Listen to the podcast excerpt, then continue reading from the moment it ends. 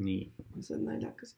aitäh ma ei sulle. tea, kas sellest on midagi, mingit abi või kasu. ma arvan, et peaks olema ikka.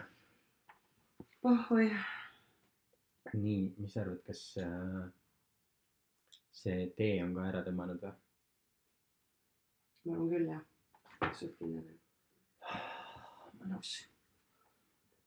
kas, kas valimised on äh,, ametlik päev on kolmandal või jah, mm? -hmm. Panid salvestama või? Jah.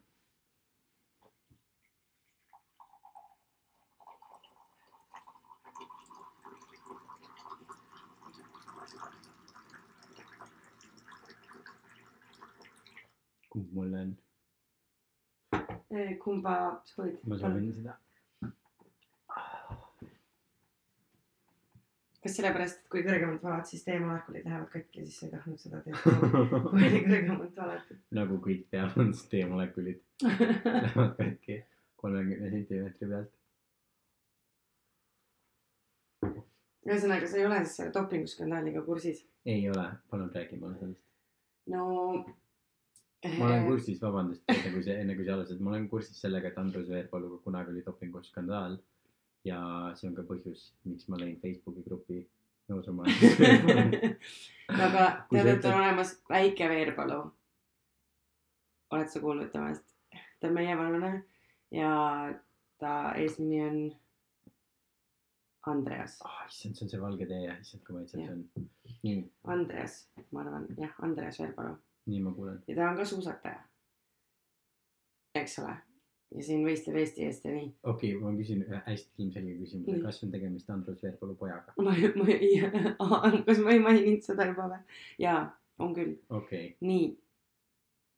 ja siis äh, nad on seal kuskil, tahaks öelda, et Austrias äh, MM-il ja Austria-Saksamaa politsei, võib-olla siis, et nad on ka Saksamaal, ühisreidina, tähendab korraldasid ühisreidi, ühisuurimise ja võtsid terve mingi suure võrgustiku inimese, inimesi kinni ja panid äh, nad äh, vangi. Ja siis kaks Eesti poissi olid ka kak- kaks päeva vanglas seal, sest dopingu eest läheb vangi. ja siis äh, täna oli pressikonverents, kus see tüüp tunnistas üles, kuidas see on äh, kestnud juba kolm hooaega. Ja äh, ta sai kontaktid, ühesõnaga see doping siis, ma ka ei teadnud täpselt, kuidas, kas sa tead, kuidas dopingut nagu manustatakse? no erinevaid dopinguid on nagu vere, veredoping kõige tavalisem, mis on see EPO äh,, mida süstitakse, on lihtsalt äh, selle jaoks, et su kehas oleks rohkem punaseid vereliblasi, et sa suudaks rohkem hapnikku äh, toota. just ja ühesõnaga seda nad tegidki ja siis ähm, mingid teiste maade poisid olid äh, ka sellega seotud, need võeti ka kinni ja siis üks foto oli, kus ähm, politsei oli siis sisse tunginud ja siis sellel tüübil oli see kanüül reenis sellel ajal ja siis sellest on politsei foto. päriselt. jaa, aga see ei olnud, see ei olnud see, see ei olnud eestlane. See ei olnud eestlane, okei okay., aga kes oli see, kes tunnistas seda, et see kolm aastat. Karel, Karel Tammjärv, sest et see Andreas siis- põgenes, saad aru, ta põgenes. ja Mati Alaver andis Karel Tammjärvele selle saksa arsti numbri, kelle juures saab, kelle juures ta siis käis seda tegemas. nii et ja Mati Alaver tunnistas ennast süüdi ja ütles, et ühesõnaga kõik on ennast süüdi tunnistanud ja öelnud, et neil on väga piinlik ja kõik, kõigil on nagu noh, kõik on väga pahased okay. suur skandaal on Maarjamaa pinnale taas jõudnud. okay,, keegi ei mäleta enam Swedbanki, Swedbanki rahapesuskandaali. aga, aga praegult on ju esimene märts, mitte esimene aprill. jah, jah, aga kes kes on, kes on Karel Tammjärv? Kas tema Suusataja. mingi suusataja? jah. aga mis vanuses nad on siis, ta on ka mingi noormees? ta on kakskümmend üheksa minu teada ja ja see, see on kakskümmend neli. okei, nii et nad on täiskasvanud inimesed ikkagi Jah. nad ei ole lapsed, kes dopingut teevad. ja okei okay,, vau. ja väidetavalt Andrus Veerpalu oli kõigest teadlik ja väidetavalt või on spekulatsioonid, et kogu see skeem, see tohutu dopinguskeem, mis nüüd siin üle Euroopa on avastatud, viib tagasi selle ajani, kui Andrus Veerpalu tegi, oli dopinguskandaalis. no see ei oleks ju mitte mingisugune üllatus, sellepärast et Mati Alaver oli ju tema suurem Jah. treener ka Jah. ja kui need poisid saavad temalt selle informatsiooni, siis ja sponsorid, Merko, kes on eh, vist üks suur sponsoreid, ütles, et mm, tšau, Puka, me ei anna teile enam raha, ilmselt ütlevad teised ka. no pole mingi ime. Kas sa annad mulle ühe hetke, et ma lähen ja kustutan selle Facebooki grupi ära? Vau, aga kas sa oled äh, näinud seda dokumentaalfilmi Ikarus? ei ole. see minu arust eelmine aasta võitis parima dokumentaalfilmi Oscari. ja selle tegi meesterahvas, kes oli lihtsalt harrastussportlane ja kes harrastuse mõttes läks sõitma Tour de France'i Mhm. ja siis ta tegi Tour de France'i ära, sai mingisugune mis iganes tuhandenda koha seal või, või midagi. ja siis ta mõtles, et okei okay,, mis siis, kui ma nüüd aasta aega teeksin nagu nii palju erinevaid nagu noh, dopingut nii palju kui võimalik, nagu kõiki erinevaid asju ja mm. nagu lihtsalt paneks hullu ja läheksin uuesti Tour de France'ile. et mis koha ma siis saaksin või võib-olla ma eksin, kui ma ütlen, et see oli Tour de France, võib-olla ta proovis seda mingisugusel teisel, aga ka nagu väga raskel nagu Mhm. rattavõistlusel. nii, ja siis ta mõtles, et okei okay,, kuidas ma leian äh, nagu selle inimese, kes on äh, nagu sporditreener ja kes oskab mulle öelda, et nagu mismoodi sa pead dopingut tegema ja kuidas ja, ja mida ja nii edasi. ja siis ta järjest nagu sai mingi ühe kontakti, teise kontakti, kolmanda kontakti, kuni ta lõpuks sai selle Vene öö, siis olümpialiidu president või mingi olümpialiidu see peatreener või mis iganes see nagu kõige tähtsam nagu treeneri venna nimi on, eks ole. Ja sai temaga Skype'is hakata intervjuusid tegema ja siis äh, põhimõtteliselt lasi siis temal endale välja töötada nagu programmi, et kuidas teha võimalikult palju dopingut, aga ta pidi seda veel tegema ka nii, et kui ta sinna võistlusele läheb, siis keegi ei suuda seda, eks ole, detektida, muidu ta kohe, eks ole, disklahvitakse. ja see mees, see venelane oli see mees, kes oli leiutanud selle nagu mingi kõige moodsama viisi, kuidas mingisuguseid dopinguid äh, detekteerida nagu hästi-hästi palju hiljem, kui Mhm. varem oli seda suudetud, ta suutis teha seda põhimõtteliselt nagu mingi poole aasta peale või midagi siukest Mhm. kui varem oli niimoodi, et nagu mingi nädal või kaks me suudame, aga pärast seda ei suuda, nii et ta oli nagu põhivend üldse. ja siis sellel ajal, kui see mees õpetas teda, kuidas dopingut teha, mismoodi dopingut teha ja kõike seda, tuli välja see, et seesama mees oli orkestreerinud kogu Venemaa olümpiakoondise äh, selle dopingu võtmise protokolli Sotši olümpial, mis läbi nagu absoluutselt kõik venelased äh, So- Sotši olümpial tegid, noh, lihtsalt nagu räigelt, eks ole, pettust ja ta nagu kõik need süsteemid, kuidas nagu need uriiniproovid ühest majast nagu ära viiakse, siis sinna valed proovid asemele pannakse ja nagu mingisuguse räige süsteemi oli loonud. ja siis, kuigi ta, see tüüp tahtis kõigepealt filmi lihtsalt teha sellest, kuidas ta läheb nagu teeb hästi palju dopingut ja siis läheb jalgrattaga sõitma, siis see film muutus selleks, kuidas see mees, kuna sellest dopinguskandaalist saadi teada ja siis ta pidi Venemaalt põgenema, sellepärast muidu oleks see, et nagu mingi Putin, noh, ta oleks ühesõnaga leitud, et temaga on õnnetus juhtunud, eks ole. ja, ja siis nüüd, nüüd ja siis see on see, milleks see dokumentaalfilm muutus ja nüüd see mees on siiamaani, ta on USA-s nagu äh, kohtukaitse all. ja see on see põhjus, miks Venemaa, mis iganes see okay. järgmine olümpia pärast Sotšit oli, Riia olümpial ei ole olnud ju Vene. aa, nüüd mul tuleb meelde, et oli küll mingi rets, retsskandaal ja. vot mm -hmm. sellepärast, et tuli välja, et nad kõik tarvitasid, eks ole, dopingut. ja siis oligi see, et see asi tuli välja ja kõigil oli see, et oo, nüüd nagu venelased on nii see ja venelased on nii teine ja vaadake, missugused petised te kõik olete. aga nagu loogiline on ju see, et kui nagu ühes riigis suudetakse seda nii hästi teha, siis ei ole see, et nad on ainukene riik, kes seda üldse on teinud, vaid loogiline on see, et kõik proovivad seda teha. Ma ei teagi, aga ma, mulle kuidas su enda nagu isiklikud tunded on siis selle, nüüd selle meie, meie väikse, väikse riigikese No. väikse skandaalikese osas. Mati Alaver oli, eks ole, ta oli Andrus Veerpalu treener, ta oli Jah. Jaak Mae treener, ta oli Kristiina Šmigun Vähi treener, on mul õigus, eks ole minu, ma, no ma ei tea, kas ta oli kõigi nende treener. no Andrus Veerpalu treener ta oli kindlasti, minu arust oli, oli Kristiina Šmiguni treener ka ja Jaak Mae treener ka. Jaak Maes ja Andrus Veerpalus ma olen kindel, Kristiina Šmigunis ma ei ole kindel, aga ma arvaks, et ta on, sest ta oli kogu suusakoondise peatreener nagunii. mis tähendab seda, et kui Kristiina Šmiguniga ja Andrus Veerpaluga olid nii suured skandaalid, eks see oli kaks tuhat kümme aasta või millal see oli, see oli nüüd juba päris pikka aega tagasi, eks ole, kui need kas rohkem isegi ei olnud või?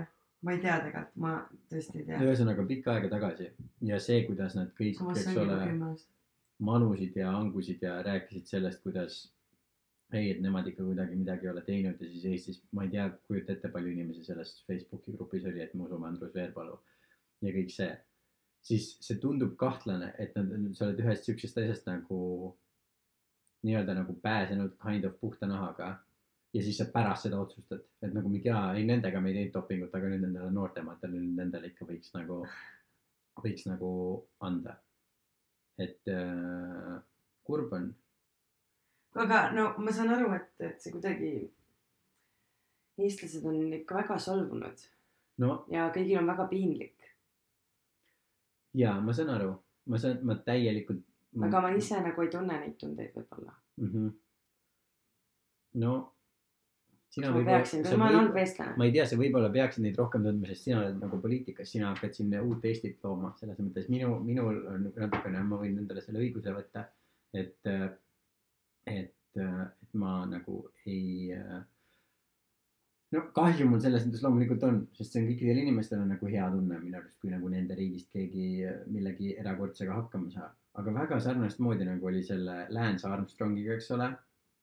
ta võitis seitse korda Tour de France'i nüüd mõned aastad, mis oli nüüd viis-kuus aastat tagasi, talt võeti kõik Tour de France'i tiitlid ära, eks ole, siis tuli välja, et ta oli äh, noh, dopingut tarvitanud ja siis lõpuks tunnistas ka seda. Ma ei mäleta, mis aasta see oli, aga üks nendest aastatest, kus tal võeti see Tour de France'i kuldmedal ära.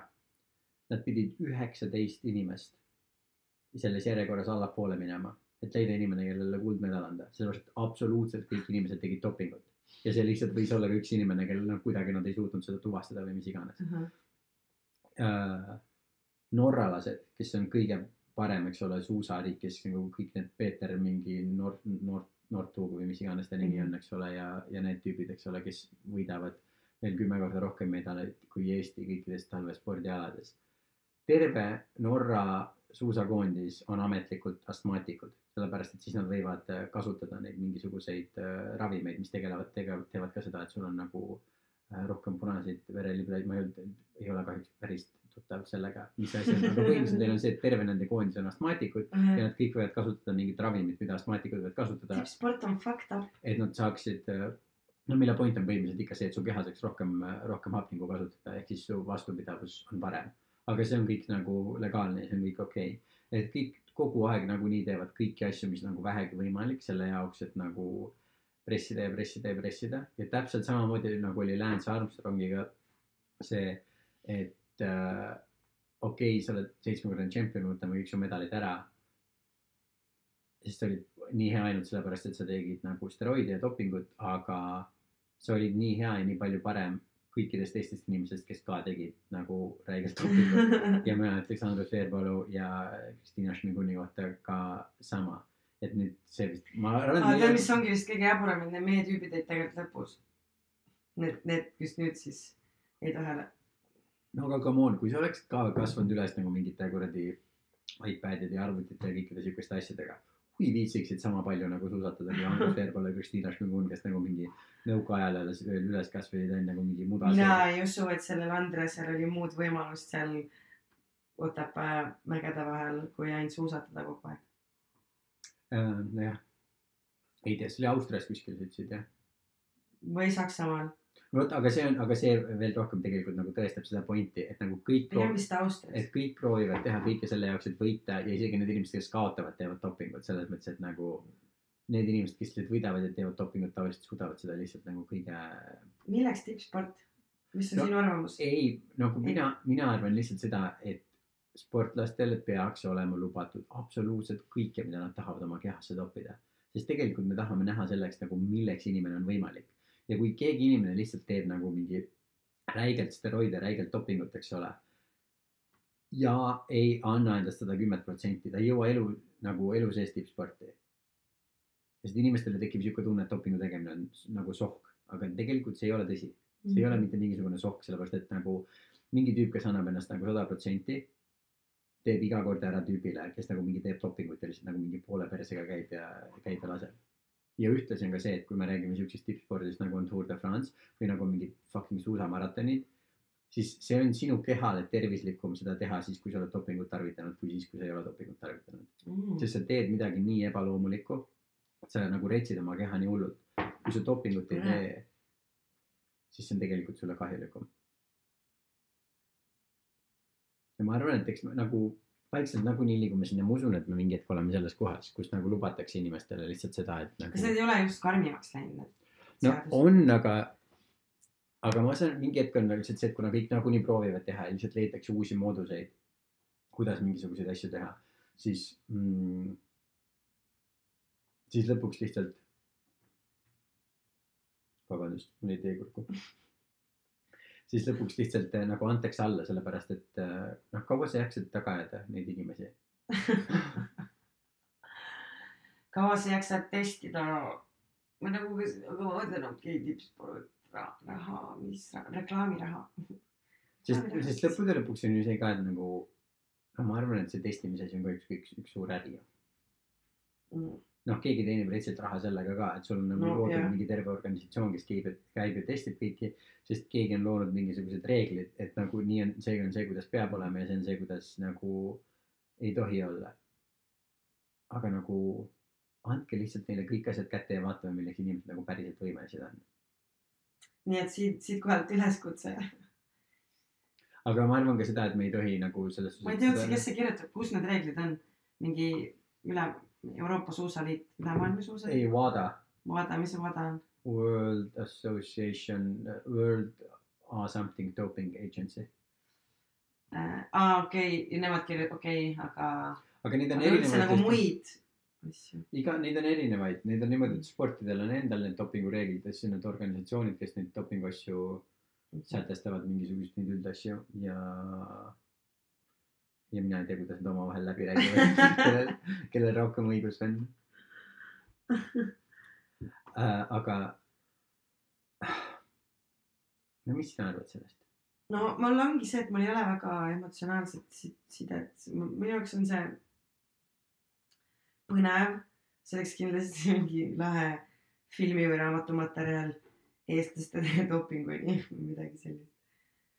kui räägiksid kõik see, no mis sellel Karel Tammerel üle nüüd jääb, ainult kirjutada bestseller, kuidas teda Mati Alaver utsitas dopingu teele ja, ja kuidas ta siis käis kuskil Saksamaal kaubikutes verd süstimas ja ja kuidas ta peale- siis ikkagi ei jõudnud nii kaugele ja kuidas ta unistused ikkagi purunesid saada väga heaks suusatajaks. vot selles mõttes on see mu jaoks põnev, aga mul ei ole sellega se- seda emotsionaalset seost, mida paljudel inimestel on, et neil on kuidagi nüüd häbi olla eestlane või no minul seda ei ole, nagu sest see tuleb, see asjad. tuleb ainult nagu ma usun nagu mingist perspektiivi puudusest. et seda arvata, et keegi saaks üldse mingisuguses äh, spordis olla nagu maailma tipp tänapäeval ilma selleta, et ta nagu mingi retsilt äh, noh, kõike teeks selleks, et nagu oma keha nagu täie nagu piirini, viimse piirini lükata. et ma arvan, et see on lihtsalt sihuke ja siis ongi inimestel on nii lihtne uskuda seda, et oo, venelased, need küll kõik teevad dopingut, aga oi, meie eestlased, oi, meie, meie poisid need kunagi ei teeks. ja samas on need, et kõik need inimesed, kes seda räägivad, et meie inimesed kunagi dopingut ei teeks, on need, kes ise pole fucking elu sees tippsporti teinud ja, ja kes ei tea, kui raske ja kui keeruline see on ja kellele lihtsalt meeldib nagu tunda seda head tunnet sellest, et, et keegi teine hullult näeb vaeva. mm.. Kelly Sildaru, ma arvan, ei tee dopingut. Vot sihukeste asjadega ma mõtlen nagu mingite sportide peale, ma hakkasin mõtlema Ott Tänaku peale kohe, sellepärast et mina olen täiesti šokeerivalt äh,, šokeeritult teada saanud sellest, et Ott Tänakust tuleb film. kuigi ma olen, ma ei, ole pärast seda, kui Marko Märtin enam rallit ei sõida, ma olen kogu aeg arvanud, et Ott Tänak on lihtsalt nagu mingisugune. reporter. ei, mitte reporter, aga ma olen, ma ei ole kunagi aru saanud, et tema nagu mingi tema fenomenist. aga kuna ma ei ole ralliga. Ma ei ole rallist, ma ei ole ralliga kursis olnud, siis ma ei ole ka teadnud seda, et, et ta on päriselt väga hea selles. ma olen arvanud, et lihtsalt, et rallis alati peab see üks eestlane olema, kes seal on mingi kaheksandal kohal äh, sõidab. aga siis ma sain aru, et aa ei, ta on päriselt nagu väga-väga hea ja professionaalne selles. ja siis temast tuleb äh, film välja ja ma hakkasin mõtlema selle peale, et rallisõitjad, ma ei usu, eks ole, et nemad väga nagu mingeid steroide võtaks või nagu dopingut teeks, sest neil otseselt ei ole seda vaja aga ma mäletan sellest ajast, kui ma veel rallit vaatasin ja ma mäletan ka vormelist, seda, et neil on kogu aeg vaata ka neid disklahvitakse ära sellepärast, et nad panevad autodele peale mingeid asju, mis on nagu mingi, see on nagu limiitidest natuke üle või see mootor on liiga võimas või need rehvid on natuke liiga niimoodi, eks ole. ja nad kogu aeg proovivad seda piiri leida, et kus on see, et okei okay,, me päriselt veel ei riku reegleid, aga me Mhm. oleme nagu, teeme selle auto nagu nii heaks kui võimalik. minu arust see on täpselt seesama asi, mida sportlased nagu teevad.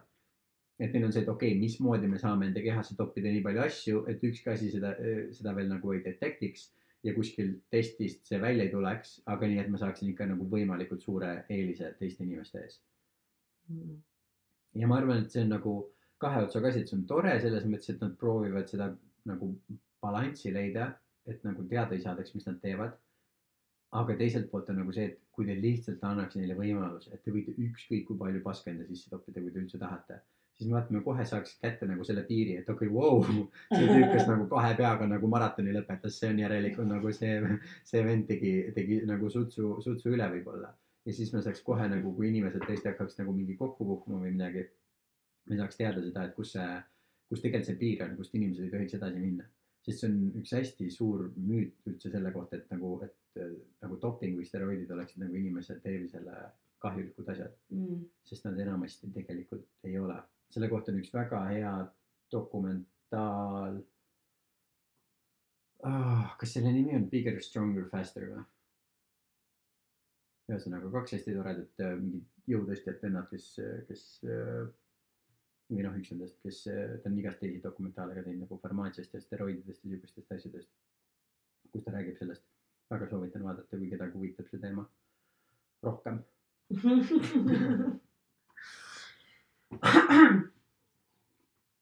nojah, ühesõnaga ja huvitav on minu jaoks see või nagu võib-olla okei okay,, piinlik osa, ma saan aru, on siis võib-olla see, et see Andres Veerpalu ära jooksis ja pressikonverentsile ei läinud nagu, oota, aga me võtame, mis mõttes ta jooksis? lahkus sealt hotellist äh, teatamata kellelegi koos Andrus Veerpaluga, Hmm, okei, kuigi nad pidid minema pressikonverentsi, nojah, vastuseid andma oma kommentaare oma kõlvatute tegude. Vot mina, mina rohkem mõtlen nagu selle peale, et ilmselgelt on kurb olla selles olukorras, kus keegi nendest inimestest on. sest minu arust nagu need inimesed, kes, kes räägivad sellest, et nüüd on nagu häbi olla eestlane või see, et nemad oleks nagu mingi häbi teinud või, või midagi siukest. et need inimesed nagu pigem käigu perse, sellepärast et äh, te ei ole need tüübid, kes nagu pidid äh, Eestile seda au tegema, et oleme nagu mingisugused kõige paremad suusatajad ja te ei ole need tüübid, kes pidid dopingut tegema selle Ja ja jaoks, et olla esimesed ja kes pidid seda varjama selle jaoks, et kõigil oleks okei okay. ja nemad on need inimesed, kes on pidanud mingi fucking kümneid aastaid, aastaid elama sellega. et okei okay,, me tegime dopingut, aga nad suudavad endale selle ära põhjendada, et okei okay,, kõik teised tegid ka, nii et see on lihtsalt, see on lihtsalt see, mis siin spordis tehakse. Ja nagu neil on kõvasti sitem olla, kui mingisugusel suvalisel vennal, kellele meeldib nagu Tartu maratoni vaadata ja siis nagu oo nüüd virisen, kus nagu mingi fuck you Mati Alaver või. ja tegelikult mõtle, milline mm, surve võib olla sellel Andreas Veerpalul ol- nagu sünnist saati. ta on sünnist saati pandud suuskadele ja on loodetud, et temast tuleb järgmine Eesti parim suusataja mm. -hmm, pärast seda, kui Andrus Veerpalu pensionile läks. Mm -hmm. see võib olla tugev pressure on, tegelikult. see on räige pressure ja ma usun, et okei okay,, siis ma tahan ühte asja. kui ta nagu selles mõttes, ta võis seda ju ka ise tahta, onju, sest ma saan aru, et ma ennem, mis ma, saada suusatajaks, aga võib-olla ta ei tahtnudki saada suusatajaks. et mis ma ennem minu öeldust võis kõlada see, et ma, et ma ütlen seda, et on lihtne eeldada, et äh, et kuna Mati Alaver oli ka Andrus Veerpalu ja Kristiina Šmiguni ja Jaak Mäe, Jaak, ma ei tea, miks ma tahan Jaak Mäe talle öelda, Jaak Mae treener, et siis küllap nemad ka tegid, tarvitasid dopingut, siis ma arvan, et ma vist nagu äh, pean ikkagi ütlema, et ma ei väida seda asja, et äh, sest ma usun, et seda on ebaseaduslik, see on nagu, seda võib kuidagi. levitad laimu. ja no ühesõnaga, et ma, ma laimu ei äh,, ei levita, et ma ilmselgelt ei tea, millest ma räägin ja, ja üldsegi äh, me lihtsalt joome teed ja ütleme suvalisi asju suust välja, aga selles mõttes, et ma usun, et see pressure nendel, nendel inimestel ongi nagunii kõige, kõige kõvem ja nagu mõelda seda, kas või Mati Alaveri nagu koha pealt see, nagu sina oled Eesti suusakoondise peatreener, kuigi ta enam vist ei ole, ennem oli nagu ta mingi hetk vahetati. ta oli mingi äkki suusaliidu esimees või midagi sellist. no põhivend ikkagi, praegu, no ta kuskilt astus tagasi igastahes praegu. põhisuusk oli Jah. nagu, härra Suusk. Nüüd on põhijalg et temal ka, sest kui palju nagu pressure'it tema peal on, kui ta on see inimene, kes nii-öelda vastutab selle eest, et Eesti, Eesti suusatajad üldse kuskile jõuaksid. ja ta teab seda, et kõikide teiste riikide suusatajad ja suusatreenerid annavad oma suusatajatele ka nii palju nagu mingisugust paska kui võimalik. aga kuna neil on rohkem raha ja neil on nagu paremad äh, võimalused, siis neil on ka lihtsam neid asju nagu varjata ja nad ei pea nagu mingi selle ühe saksa mingi klausi juures käima, kes on nõus eestlastele nagu poole raha eest mingisugust veits, veits äh, vananenud epot äh, sü- süstima kuskil koolibussis. et siis äh,, et siis temal on ka see pinge nagu räige. ja see ongi nii huvitav, sellepärast et nagu okei okay,, ma nüüd absoluutselt ei tea, ma lihtsalt spekuleerin, eks ole, aga sellel hetkel.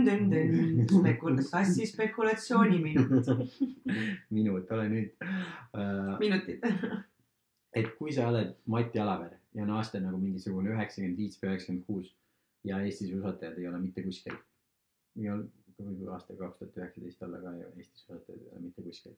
ja siis sa seisad nagu selle valiku ees, et kas suusatajad lähevad nagu mingi olümpiale või EM-ile või MM-ile, eks ole. ja tulevad sealt tagasi oma kahekümne kolmanda ja kahekümne kuuenda ja kolmekümne kaheksanda kohaga, eks ole. ja siis eestlased on nagu see, et oo, Eesti, me oleme sihuke suusariik, miks meie suusatajad nii halvas nagu korras on, eks ole et sa saad valida, kas selle. aga see, et sul on nagu rekord selles mõttes puhas ja keegi dopingut ei tarvita ja kõik lihtsalt nagu mingisugune Mhm. pingutame veel, pingutame selles veel. mõttes ongi, rekord on puhas. nagu kahemõtteline. aitäh. Või siis su teine võimalus on see, et okei okay,, kõik teevad dopingut, kõik, kes võidavad, teevad reetsikant dopingut. kas ma võtan hoopis selle ris- riski, et ma nagu teen nendest inimestest tõesti kõige paremad sportlased, kes nad on võimelised olema kõikide vahenditega, mis olemas on. ja niikaua, kuni keegi teine vahele ei jää, loodame, et meie ka ei jää vahele, sest see on lihtsalt see mäng, mida kõik nagu, kõik mängivad ja vähemalt on see, et nagu meie nagu Eesti ra- rahvas on nagu see, et oo oh, jess, Andrus Veerpalu, Kristiina Šmigun, Jaak Mae nagu pange täiega edasi. sest lõppude lõpuks on ju see, et nagu noh, mis, mis muud võimalused sul, sul tegelikult on. jah. aga tea, Jaa, see on nii põnev, mul on selles. no ma arvan, et Mati Alavari ainus võimalus on ka nüüd raamat kirjutada. no just, see on neil kõigil on ainuke asi, mis nad saavad ju teha, on raamatu kirjutada. Minu arust Kristiina isegi kirjutas. Kristiina kirjutas, no mul Ma ei tea tega.. ma tean, kas Kaia Kanepi kirjutas raamatu või, või Mhm. ta treener kirjutas raamatu? ei, tema kirjutas sellest, kuidas ta treener teda ebas-, vist, ma ei tea, ma ei ole lugenud seda raamatut, aga minu arust seal oli, see oli see, see tuli sellel ajal välja, kui need hullud olidki erinevad äh, ahistamisskandaalid õhus siin väikse Maarjamaa pinnal ja siis, kuidas ta treener ahistas teda hashtag mina ka oh,. just. äh,. aga okei okay,, nüüd on tõesti see nagu väga-väga spekulatiivne nüüd. tun-tun-tun, väga spekulatiivne minut äh,. sest mina ei ole Kaia Kanepi raamatut lugenud, sina ka ei ole Kaia Kanepi raamatut lugenud. aga see, mis mina lugesin, kas sellest mingisugust lõiku või see, kuidas Kaia Kanep ise kommenteeris seda või ta treener kommenteeris seda, siis minu arust seal ei ole olnud midagi seoses sellega, et keegi oleks kedagi ahistanud, vaid ongi lihtsalt see, et kui sa oled treener ja sul on see sinu treenitav, siis paratamatult nagu juhtub see, et sa oled, saad sama. ma, see kõlab nagu selle treeneri kommentaar, mitte see, mida Kaia oma raamatus kirjutas, kui nüüd aus olla. okei okay,, no sellepärast ma alustasingi sellega, et mul ei ole õrna aimugi. aga saaks, saaks ka loogilise järeldusega jõuda ju sinna, kui sa natukene pingutaks siis. ja, ja okei okay,, võib-olla, ühesõnaga ma ei tea, mul ei ole õigust kommenteerida äh,. Aga ma olen väga selles suhtes äh, nagu hämmingus ja üllat- või nagu ma ei tea, kas hämmingus on see sõna, aga mul on nii tore, sest kuna ma uudiseid üldse ei loe, siis äh, mul on nagu äge, et midagi siukest juhtus, sest mul on väga, kas see just nagu täna just tuli välja või eile? see tuli eile välja. ei, oota, mis päev täna on? täna on reede. see algas juba kolmapäeval ja siis nad said täna vangi, vanglast välja, nad olid ju kaks päeva vanglas. see tuli kolmapäeval välja juba. aga ühesõnaga täna, kolmapäeval see algas, aga siis olid ju alles kahtlused. ütleme Mhm. täna siis äh, kõik, täna oli see päev, kui tunnistasid üles kõik inimesed selle värgi. päris äge. aga see oli nagu, sest nüüd on see, et eks ole, et oli kahtlus ja siis oli nagu süüdimõistmine, oli ülestunnistamine ja kõik see. aga siis mis, mis, sest lõpuks Kristiina Šmiguni ja Andrus Veerpaluga ei saanud ju mitte midagi, sest oli nii kaua aega oli see mingi pendel. no jaa, aga selles mõttes, et ilmselgelt äh, oli tal lihtsam üles tunnistada, nad tegid äh, kokkuleppe, kui ta teeb nendega koostööd, et siis ta saab koju, muidu ta peab sinna Austria vanglasse jääma. Oli selle- üks point ja teine point oli see, et ma arvan, et kui nüüd see äh, reid oli nii laiahaardeline, siis neil ei olnud enam nagu kõik oli paljastatud, tegelikult noh, neil oli vahet, neil ei olnud enam võimalust, ütleme nii. mm,. see oleks kõik, kõik välja tulnud niikuinii. kui nad leidsid selle venna, kellel oli see fucking kanüül veenis, siis nagu selles mõttes, et see on suht nagu, see on suht hea proof tegelikult, kui sa mõtled, kui sa mõtled selle peale, see on hea tõend. ma tahaks lihtsalt äh, mõelda selle peale, et äh, ma loodan, et nad mingil hetkel nagu brainstorm isid. et kui tuleb, kui tuleb politsei, kui tuleb politsei uksest sisse sellel ajal, kui sul on kanüül vees, kanüül veres, peenis, kuidas sa nagu ennast sellest olukorrast päästad? mis on sul nagu kümme asja, mis sul kohe, kohe, kohe öelda. ma teen narkootikume lihtsalt, muidu dopingut. see on punane vein otse veini. tahan lõõgastada. mulle ei meeldi veini maitse.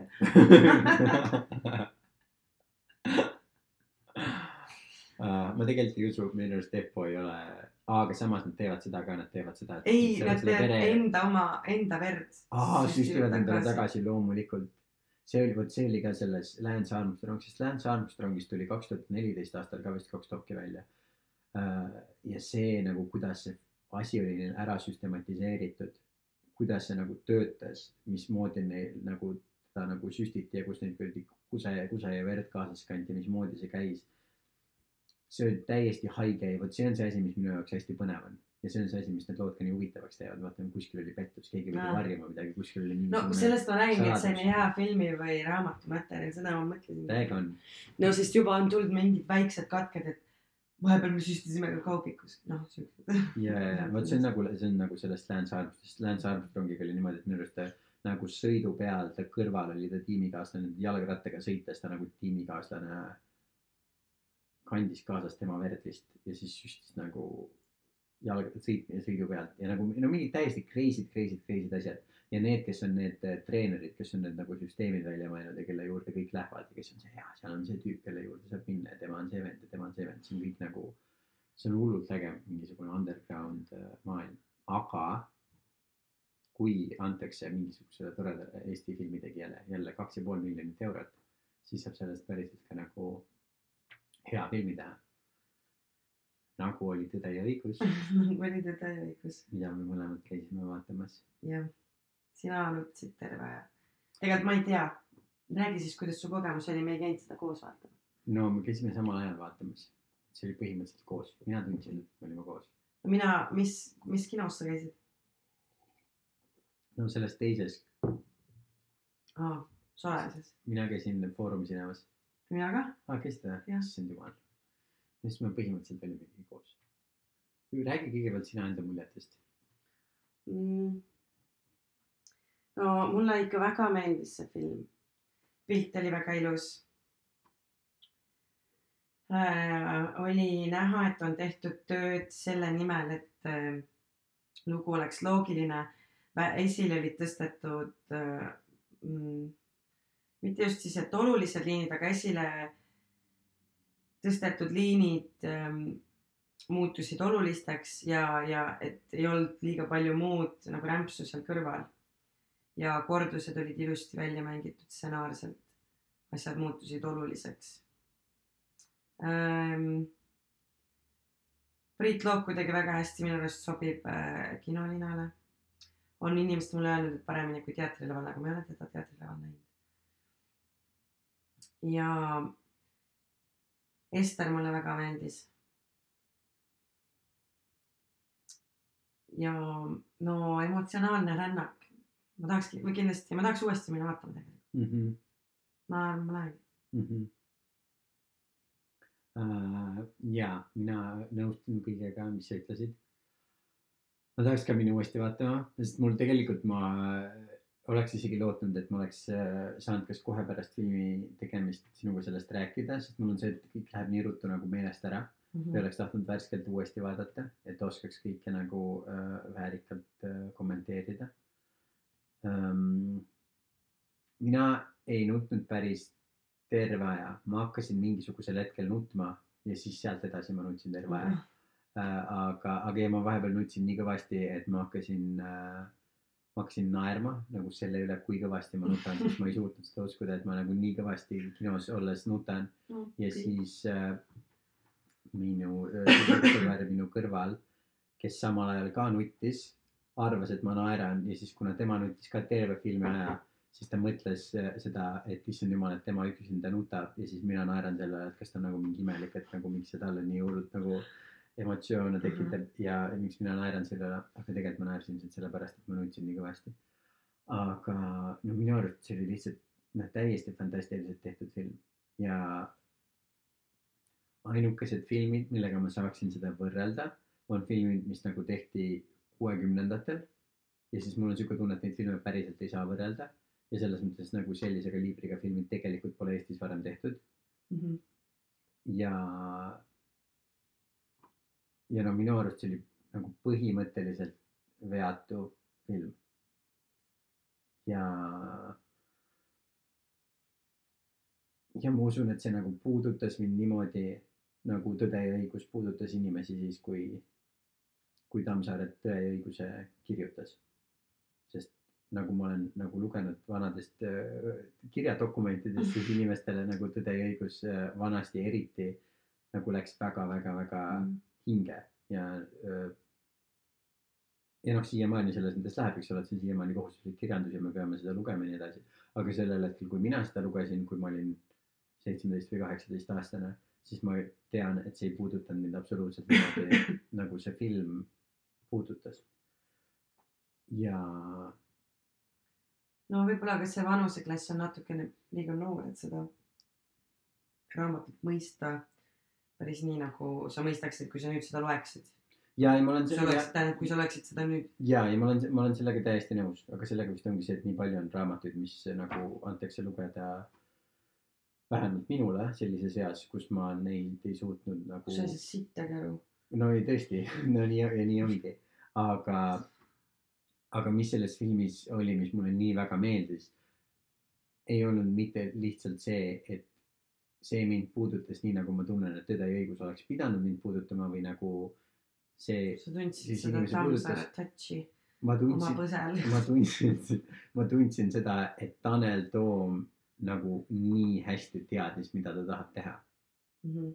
et tal ei olnud enda suhtes nagu või noh, tal vabalt võis olla nagu mingit second guessing ut, eks ole, sest nagu igal nagu inimesel, kes nagu head tööd teeb, ta mõtleb, et nagu mingi, kas ma teen ikka päris õigesti või kas seda või teist või kolmandat. aga see, et tal see tahe oli sees, et ma tean, mis ma tahan teha ja ma lihtsalt annan endast parima ja, ja ta nagu andis ja ta tegi. ja, ja see oli, noh, kõik oli nii, nii suurepärane ja no Estriga oli see, et esimeses kahes stseenis, kus ma Estrit nägin, ma mõtlesin seda, sest mina olen alati nagu, kuna nüüd Estrit olen nagu teatrilaval ka piisavalt mitu korda näinud äh,. ja nii edasi, siis ma alati mõtlen selle peale, et kuna Ester on põhimõtteliselt minu elus esimene inimene peaaegu, keda ma tean, eks ole, minu kõige esimene sõbranna. ma tean teda nagu mingi rohkem kui kakskümmend viis aastat nüüd põhimõtteliselt, eks ole, kuigi ma isegi ei mäleta seda algust. aga siis on see, et kuna ta nägu on mulle nii, nii, nii tuttav, Mhm. siis ma mõtlesin selle peale, et okei okay,, ükskõik kui hästi Ester mingisugust rolli mängiks. Ma ei saa sellele rollile keskenduda, sellepärast et ma tunnen tema nägu nii hästi, et ma ei saa seda nagu, nagu noh, ära unustada või ma, või ma ei saa sellesse nagu täielikult sisse Jah. minna. ja siis nagu mingi vähem kui üks kolmandiku filmist oli läinud ja mul oli lihtsalt see, et Ester oli täiesti kadunud ja ma lihtsalt nägin Mari seal ja mul on see, et ma olen mitu päeva olen nagu endale meelde tuletanud, täitsa pekis oli Ester tegelikult, kes, kes see nagu film mängis seda tõmbab enda sisse. ja see tõmbas nii väga enda sisse. ja see, kuidas Ester tundsingi seda tunnet. Mari mängis, oli lihtsalt, no see oli noh, täiesti, täiesti fantastiline. ja, ja oleks sa rääkinud ka temaga pärast? ma ei ole temaga rääkinud ja ma ei ole tahtnud talle nagu kirjutada või helistada ka, sest ma ikka tahaks nagu päriselt nagu silmast silma näha ja öelda, mis, mis ma arvasin ja mis ma mõtlesin ja mis ma tundsin. sest see oli nii uskumatult võimas.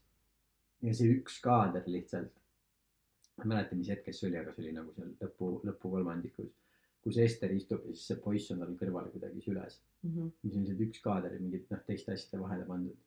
see oli lihtsalt nagu mingi noh, minu arust selle filmi üks kõige võimsam nagu kaader üldse, mis oli lihtsalt niimoodi virutas sulle nagu sinna alakõhtu ja see oli nagu täiesti usk-, niimoodi ma ei tõmbas ole praegu kahjuks kindel, kas ma olen kindel, millisest kaadrist.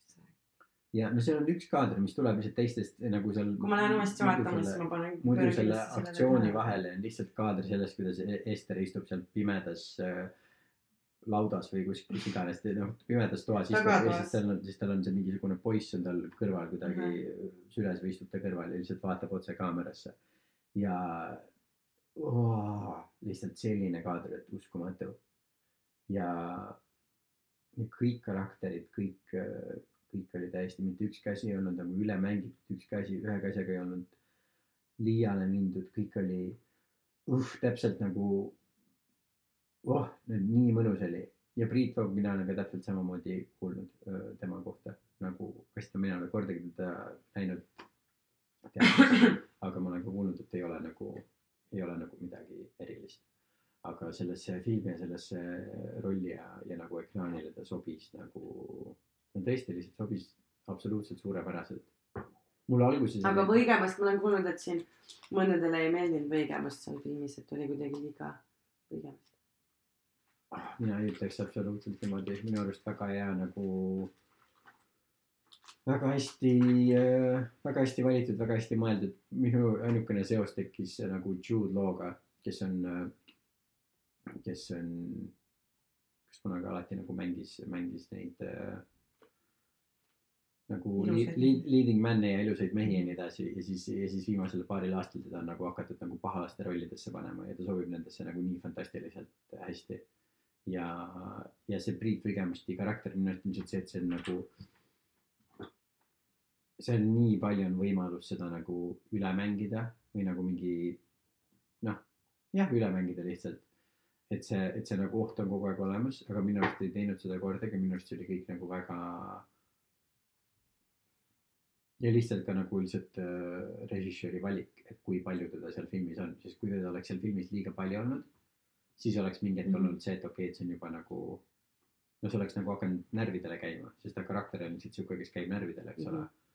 aga, aga minu arust absoluutselt, absoluutselt mitte. alguses esimese nagu kolmandiku peal, mis mind häiris, oli see, et, et Andresest äh, nagu äh, prooviti liiga head muljet jätta. Sest ma mäletasin minu. arust liiga head muljet. no sellepärast, et ma mäletasin, no ma saan aru, et see tun- tundub, eks ole, et ei ole, mis head muljet, eks ole. aga ma lihtsalt mäletasin seda, et seal raamatus nagu see krõõda nagu peksmine hakkas põhimõtteliselt nagu kohe pihta ja, aga seal Aa. filmis oli lihtsalt see, et oli lihtsalt, eks ole, mees, kes teeb tööd ja mees, kes tahab poega ja nagu ükskõik, eks ole, mis, mis, mis hinnaga. aga, aga seal ei olnud nagu seda, et ta oli nagu tegelikult ikka sihuke nagu tõeline ja vastik äh, krõõda vastu ja. aga ma arvan, et see oli sellepärast, et dramaturgiliselt on vajalik see karakteri areng ja pöörak ja ma arvan, et väga palju oli Toom rõhunud seal ikkagi usule. äh, esi-, ma olen sada protsenti nõus ja sellepärast ma ütlesingi esimese kolmandiku ajal, sest siis, kui ma nägin, kuidas see nagu lugu kulmineerus ja see, et ta jõudis kõikide nende asjadeni, mis äh, Andrese sees ka raamatus toimusid, et ta ei jätnud ühtegi asja välja, ta ei proovinud temast jätta tegelikult paremat muljet, vaid see oli lihtsalt selle kulminatsiooni ja selle nagu argi jaoks oli see, kuidas sa eesti keeles ütled selle kohta? kaar, dramaturgiline kaar. just, et selle jaoks oli, see oli vajalik ja see oli lõppude lõpuks nagu täielikult õigustatud ja mul ei tekkinud absoluutselt sellist tunnet, et ta oleks nagu proovinud temast jätta paremat muljet, kui temast oli vaja jätta ja minu arust lõpp, lõpuks oligi te- tehtud fantastiliselt. see oli ka ainult asi, mis alguses ma mõtlesin nagu mingi, et kas see no ühesõnaga, aga see oli ja teiseks, mis on veel tähtsam point sellest, on see, et ma ei peaks vaatama seda filmi nii, et aa, mis oli raamatus ja mis ei olnud raamatus, sellepärast et lõppude lõpuks film on Need on jah, stsenaarium on teine, täiesti eraldiseisev, teine teos. täiesti eraldiseisev teos ja see töötas nagu fantastiliselt ja suure, suure, suurepäraselt. Äh, nõus. ta igati väärib seda au ja kiitust, mis ta on saanud ja loodetavasti tuleb siit ka uue publiku rekordiga Eesti film, mis teeb ära ka klassi kokkutulekule. loodetavasti. ma usun, et see juhtub kindlasti. ainukene asi, mille pärast ma nagu äh, muretsen, on see, et ma loodan, et Tanel Toomil on nagu praegu veel nagu mingi hästi palju muid nagu tegemisi ja ma loodan, et tal on midagi käsil, millega ta peab tegelema, sest ma arvan, et see, kui palju nagu positiivset nagu kiitust ta saab, on siuke asi, et see võib nagu katuse hästi kiiresti nagu pealt ära tõmmata mm., kui siin nii aga palju palju... nad juba teevad vist äh, Feldiga, töötavad millegi uue kallal, ma sain aru. no parem oleks tõesti, sest siis see on see, et keskendu sellele, mitte ära loe seda, mida nagu kõike sinu kohta Jah. kirjutatakse. et äh,, et tõesti noh, fantastiline, mina ütleks, et täiesti nagu veatu, veatu teos. ma kuulsin, väike linnukene siristas, ma ei mäleta, kes see oli. kas sina ütlesid mulle seda või keegi teine ütles mulle seda? vist keegi teine ütles mulle seda, äh, et äh, ta pärast esilinastust lõikas filmi ümber veel. ta vaatas esilinastuse ära ja siis ta läks ja lõikas filmi ümber, nii et see film, mis meie nägime, oli nagu esilinastusest natukene teistsugune, et tal oli seal mingisugune asi, mis äh,. Äh, aga mina kui- seda ei rääkinud, aga Jaa. väga põnev igatahes. ühesõnaga keegi räägi, äkki see on mingi mega secret info. võib-olla see on mega secret info, nii et kui see on mega secret info, siis ma mõtlesin selle välja ja ise tulin öösel unes selle peale ja keegi ei ole mulle seda öelnud äh,. aga, ja siis ei tasu mind, tasu mind kuulata. aga selles mõttes noh, tõesti nagu pinguta, tee ja saad hakkama ja kõik on fantastiline. aga see oli küll üks asi, mul tekkis see küsimus, et ma ei mäletanud, ma ei tea, kui hästi sina mäletad teda ja kas üldse lugesid seda või sa suutsid fiilida nagu enamused inimesed. mm,. mäletan põgusalt sisu kokkuvõtet mäletan põgusalt. sest äh,. Mm, sest minu jaoks see, kuidas ta lõpus, kus tuli see, kus selle saunamehe, ma ei mäleta, mis selle Indrek, Indrek Sammuli karakteri, kas tal oli üldse karakteri nimi, üldse või? ma ei mäleta, et oleks olnud. ühesõnaga seal, kus ta räägib sellest äh, jumala sõnast ja mm, -hmm. ja Mhm. kõigest sellest, eks ole. sest mul on meeles raamatust see, et Andres hullult palju luges seda piiblit. aga see, see monoloog, mis Indrek Sammul seal lõpus on, mis on ka jälle, see on nii nagu noh, see on nii tugev ja see on nii võimas ja, ja see on nii kuidagi nagu, eks ole, selline. et ma ei mäleta, kas seal raamatus oli ka midagi nagu väga sarnast või see oli mingisugune asi, mis Tanel Toom nagu ise, ise sealt nii-öelda leidis ja rohkem selle, rohkem selle esile tõi. aga see oli nagu metsikult, metsikult ilus, see oli väga nagu. ma arvan, et see ikka oli päriselt ka seal olemas. ei, ma usun, et see oli päriselt olemas, aga ma ei tea, kui nagu, kui nii-öelda nagu esile toodud, et seal, seal. no sest, et ta tõigi selle usuliini väga esile, see oli väga noh, dramaturgilise kaare mõttes jällegi väga oluline noh, kordus sellele Mhm. samale liinile ja selle nagu nende kordustele. vot, aga see minul oligi sellega see, et kuna see töötas nii metsikult hästi, see töötas noh, minu arust. ja ta toimibki ka nende korduste peale ka, selles mõttes see on ikkagi, selles mõttes mulle meeldib see, mis sa ütlesid kõige alguses, et seal ei olnud ühtegi viga. Põhimõtteliselt täpselt nagu noh, ongi, et seal ei olegi ühtegi viga, et ta on tehtud nii, nagu peab üks hea teos tehtud olema. mm. -hmm. Mm -hmm. ja, ja, jah, no ega mul tegelikult, ega mul ei olegi selle kohta mitte midagi muud öelda, lihtsalt üks kiidulaul ja kiidulaul, sest see tõesti oli täiesti, täiesti fantastiline ja imeline teos ja seda ma kindlasti ei usu või nagu kindlasti usun, et ükski teine Eesti film ei ole mind kunagi nii kõvasti puudutanud. ja ma ei tea, kas üldse ükski film on nii, nagu nii kõvasti puudutanud, ma nagu nii metsikult Mm. palju nutnud oleksin. see ikka, kui kuuled, no seal emakeelel on ikkagi mingi see võlu ka ju ma arvan, selles mõttes, et ja meie tüvitekst, meie rahvuse tüvitekst, Mm -hmm. et äh, sellel on väga suur emotsionaalne kaal ka kindlasti. Ja vot just ongi ja, ja sellepärast mul ongi võib-olla kurb, et ma teda ei õigusta, et ma lugesin seda siis, kui ma lugesin, kui mul ei olnud seda connection'it sellega. sest ma mäletan, kuidas ma klassi ees seda nagu kohutavalt maha tegin äh. sest ma lihtsalt Mhm. samas, mis sulle üldse meeldis sellel ajal? sest ma olin, ma olin vihane selle, vihane selle raamatu peale, aga, aga see, et see just sellel nagu riiklikul, kas ma ei tea, kas see on õige sõna, natsionalistlikul, riiklikul, sellel nagu tasandil äh,, isamaa ja emakeele tasandil nagu puudutas nagu nii, nii tugevalt. et see, et sulle päriselt läheb hinge see, see töö ja vaev ja, ja kõik see. sest ma võin vaadata mingeid siukseid filme nagu mingitest kauboidest või ameeriklastest, kes kulda otsivad või mis iganes. ja sa saad aru nagu sellest nagu mul on tunne, et sa just mansplain'id seda, mis ma ütlesin.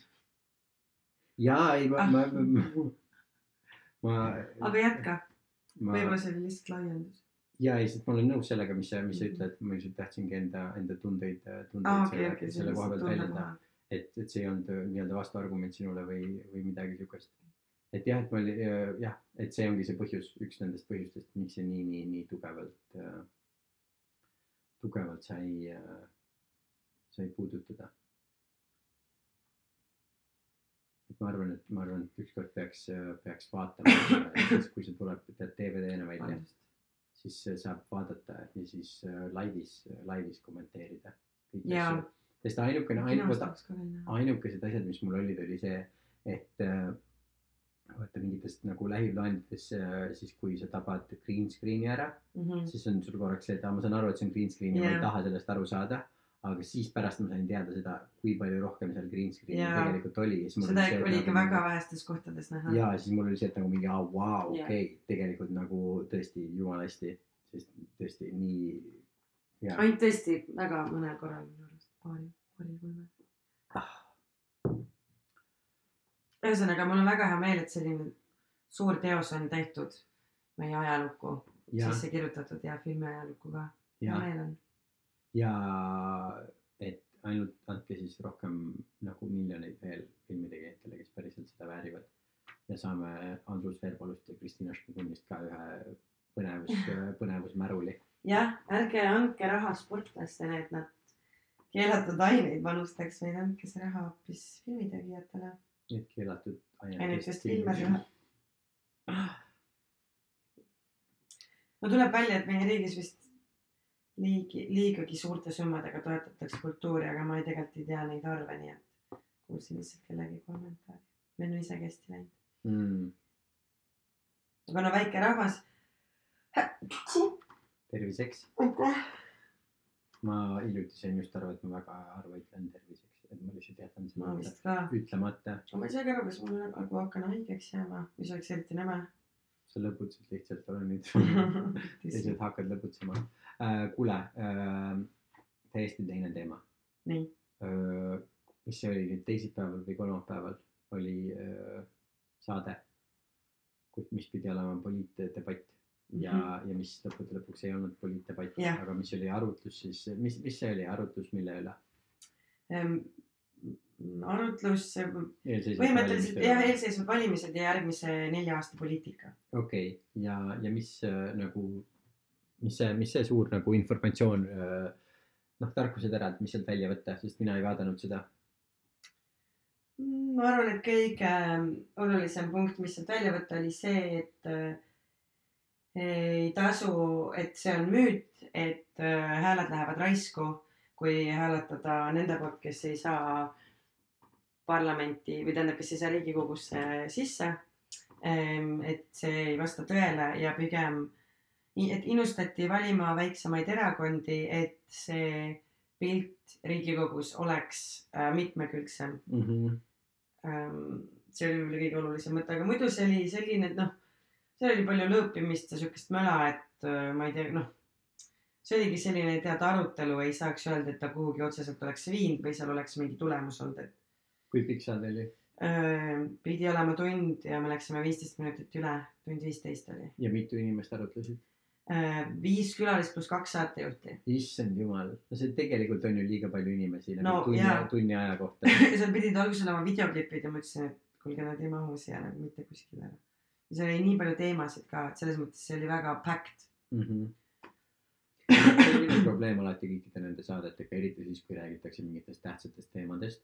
Ja on see, et sul peab olema nagu mingi neli saatekülalist, mis on ja see on, saade kestab nelikümmend viis minutit pluss reklaamipausid mm. -hmm. ja see on nagu see, et aga te ei jõua tegelikult mitte millestki rääkida, kõik jõuavad lihtsalt öelda nagu mingi kaks lauset, mis ta on ette välja mõelnud, mis oleks nagu mingi, see on hästi tabav või, või öelda mingi statistika ruttu välja. kui ma käisin Jaa. raadios, meil oli poolteist tundi saade. meil oli viis külalist ja üks saatejuht ja mul oli ikka selline tunne, et ma noh, võib-olla kaks mõtet jõudsin öelda, mis Mm mm. -hmm. olid mõtted, mis äh, oli vaja välja öelda, aga rohkem nagu suurt mitte muhviga. sest ei ole ju isegi seda, et nagu saaks mingisugune normaalne arutelu tekkida, sest kõigil on lihtsalt see, et tal on mingi oma asi, mida ta tahab välja öelda Jaa. ja, ja kui keegi teine midagi ütleb, mis oleks põnev asi, mille, millest nagu rääkida, siis see ei jõua kuskile, sest keegi teine lihtsalt otsib selle viisi, et aga kuidas ma nüüd saan seda asja öelda, mis ma Jah. tegelikult tahan öelda. ja see on suht sihuke kurb. Aga kas, kas seal sellest või ma ei tea, kas tegelikult vist ei ole isegi õige koht sellest rääkimiseks, aga siis, kui ma sõitsin, mis päev see oli, kui sa kutsusid mind äh, presidendi vastuvõtule, siis kui ma sõitsin sinnapoole kahekümne kolmas veebruar uh,. vot, aga ei, siis kahekümne, kahekümne neljandal, kahekümne neljanda õhtul ah,. uh, see päris päev, siis kui ma sinna trammiga sõitsin, siis uh, ma nägin seda EKRE rongkäiku Mhm. Ja ma olin, tegelikult ma päriselt olin väga üllatunud, sest äh, mina sa ei arvanud, et neid nii palju on? vot, aga ongi see, sest ma Või- olen, ma olen isegi ikka see, ikka veel see inimene, isegi kui see teistes riikides nagu toimub kogu see asi, siis mul on ikka niimoodi, et okei okay,, EKRE rongkäik ja siis seal on nagu mingi kakssada inimest, eks ole, Mhm. jopede ja küünaldega. ja, ja ma näen rivi no nagu need loomakaitsjate ja no täpselt eks ole, või Vene seal selle saatkonna ja see on, eks ole, kaks tüüpi Ukraina lipuga. et see, see on tegelikult see, mis ma arvasin, et ma näen ja ma sõidan trammiga ja ma näen Paksu Margareeta juurest kuni siis, mis on Aia tänava algus, ei uus, Uue tänava äh,, uus vist on see jah? u, kuni Uue tänavani. ma näen äh, seda inimeste rivi, kelle enamustel on tõrvikud käes, mis on naljakas äh,. Ja ma ei näe, kus kohas on selle rivi lõpp ja ma ei näe, kus kohas on selle rivi algus. Ja siis ma mõtlesin seda, et mina nagu mida pekki päriselt või. ja kui siis ma näen kuskil ajakirjas oli kirjas, kümme tuhat inimest. Ma räägin, see on, ja need on ja need on kümme tuhat inimest. ma räägin nõme parajasti tõsi. ja, need ja need on kümme tuhat inimest, mitte, kes on lihtsalt nagu mingisuguse kindla poliitilise vaatega, vaid need on inimesed, kes on kümme tuhat inimest, kes on kindla poliitilise vaatega ja kes on nõus külmas minema välja marssima. vabariigi aastapäeval, vabariigi aastapäeval selle jaoks, samal ajal, selle jaoks, kui sul toimub nagu, kui toimuvad kõik ülendused, teleka Mhm. mm -hmm. vaatamine, perega koos söömine et mm, mm -hmm. sõpradega kokkusaamine, kasvõi viina võtmine, ei, sa lähed -hmm. Eesti eest tõrvikutega marssima.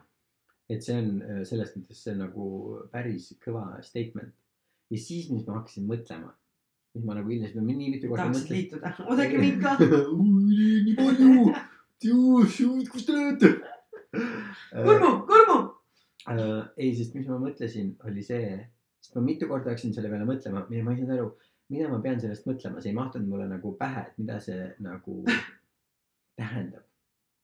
ja neil kõigil tõrvikud on või? ei, et see, et see, et, et neid on nii palju ja mul on see, et nagu okei okay,, siukseid inimesi, kes on mingi kindla vaatega, neid on nii palju ja et mis ma sellest nagu arvama peaksin. ja siis, mis ma sain aru, mis oli mõte, mis mulle ei meeldinud, aga mis on mõte, mida nagu ma ei ole suutnud veel ümber lükata, on see, et nagu noh, nende inimestega peab üks hetk mingisugusel hetkel lihtsalt nagu väga mõistlikult rääkima hakkama ja, ja päriselt kuulda võtma seda, mida nad tahavad. aa, mhm. Sest see on lõppude lõpuks, et kui ne-, no kui on olemas, eks ole, sellised inimesed, kes on nõus tõrvikutega minema tänavatele, siis nad on kõrvale jäetud. nad tunnevad ennast nagu väga-väga kõrvalejäetuna, eks ole. ja kui meie ainukene reaktsioon nendel on see, et te olete nagu mingisugused fašistid või te olete lõunaeestlased või te olete nagu mingid suvalised jopedega vennad, eks Jaa. ole. ja kõik teie arvamused on täiesti absurdsed, et keegi ei peaks neid nagu kahe tuhande üheksateistkümnendal aastal kuulama. siis nagu mingisugusel hetkel need inimesed on nagu veel rohkem närvis ja neid on veel rohkem. Ja nagu mingil hetkel su ainukene võimalus on see, et kas, kas sa nagu päriselt kuulad, et mis need inimesed tahavad ja kuidas nende inimestega nagu jõuda mingisugusele nagu, mingisugustele nagu rahu äh, terminitele. Mhm. või siis sa lihtsalt ootad seda, kuidas, kui nad nagu vägivaldseks lähevad, kui nad tunnevad, et okei okay,, meid mitte keegi mitte kunagi ei kuulagi ja kedagi ei koti, mis me tahame. no teine, teine aspekt siin on see, et äh, mina arvan, et EKRE tegelikult ähm, äh, koalitsiooni, ma arvan, nad ei taha saada, neil ei ole tegelikult sisu. Nende lubadused on täiesti idiootsed, nende programm on äh, võimatu, läbimõtlematu, populistlik ja nii edasi. ja ma arvan, et tegelikult nad, nad kukuks kokku, kui nad saaks võimule. Ja no minu arvates neil ei ole sisu, aga neile väga meeldib opositsioonis karjuda. mm. -hmm. absoluutselt, sest ei, ma olen sellega täiesti nõus, sest nende nagu algusest peale on see, et kõik, kõik nende nagu, mingid väljaütlemised ja nagu äh, sõnumid on ilmselgelt nagu mingi nagu no, ultra absurdsed lihtsalt uh Mhm. -huh. asjad, mis nad ütlevad ja see on nagu noh, ongi nagu mingi populism, populismi käsiraamatust välja võetud yeah. nagu mingisugused asjad nagu mingi luba seda või ütle seda või süüdista neid või ütle, et nemad on süüdi. Et see, see on, see on absurdne nagunii. Ja ma ei usu ka seda, et nad nagu koalitsiooni saaksid. Ja ma nagu nende pärast nii väga ei karda või ei mõtle, aga ma lihtsalt mõtlen päriselt nagu nende inimeste peale. sest on nagu nii palju inimesi, kes lähevad sellega kaasa, sest nagu nii paljud inimesed on lihtsalt need, kes on nagu, nad on nagu närvis ja pahased ja neil on siuke tunne, et keegi neid ei kuula ja neil on siuke tunne, et keegi neist ei hooli. Ja no see on täpselt seesama see nagu Donald Trumpi fenomen, eks ole, miks tema valiti presidendiks ja miks enamused inimesed, kes tema poolt hääletasid, olid nagu lihttöölised ja nagu eh, oh, issand jumal, see statistika on nii, et kuidas see oli?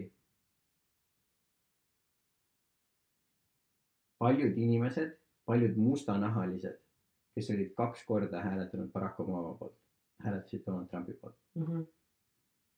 ja see on nagu üks asi, mis näitab sulle seda, et kui pettunud inimesed mingisuguses süsteemis on.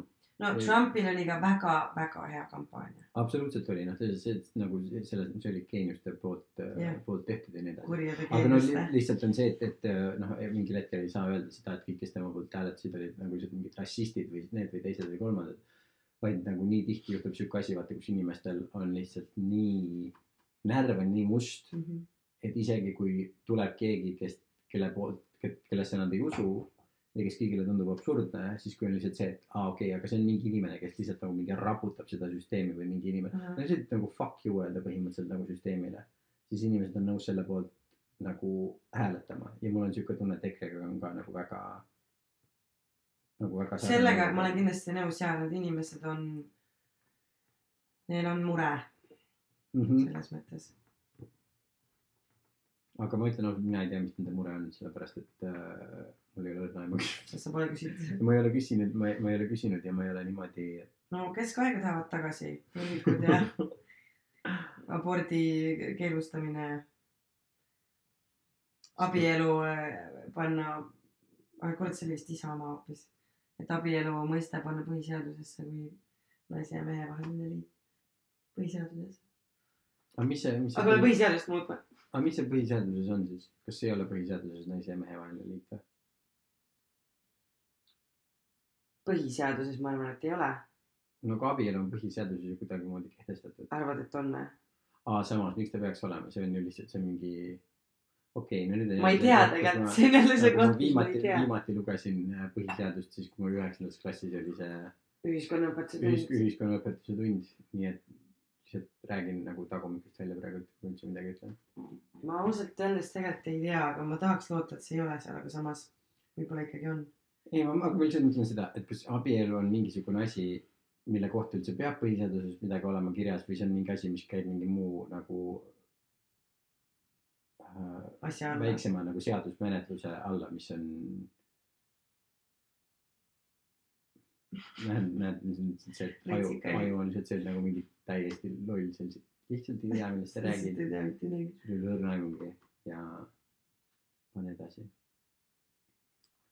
No igastahes homode vastu on nad anyways, seda me teame, et selles me võime kindlad olla. võib-olla nad on lihtsalt heterote poolt. ei, nad on homode vastu, ma olen, ma olen selles päris kindel. Kui ma mõtlen, aga. selles mõttes, et kui su valimisloosung on ei, ei homoabieludele, siis see on suht kindel sõnum, et sa oled homode vastu, no okei okay,, selles suhtes. mitte heterode poolt. las ma mängin korraks saatana avokaadot äh,. kujuta ette, et sa oled äh, jalgpalli, EKRE jalgpalli, valija, ma ei suuda, mu pea plahvatab. jalgpallivõistluses, eks ole ma äh,. vaatan või osalen. ükskõik, sa võid olla kas fänn tribüünidel või sa Või pall., või sa võid olla keskkaitsja. pall pall sa ei saa olla. aga siis sul on see, et sa oled ühe tiimi poolt, sa oled enda tiimi poolt, eks ole, kes on siniste pükstega. ja siis on see, et sina lihtsalt tahad, et sinu tiim võidaks.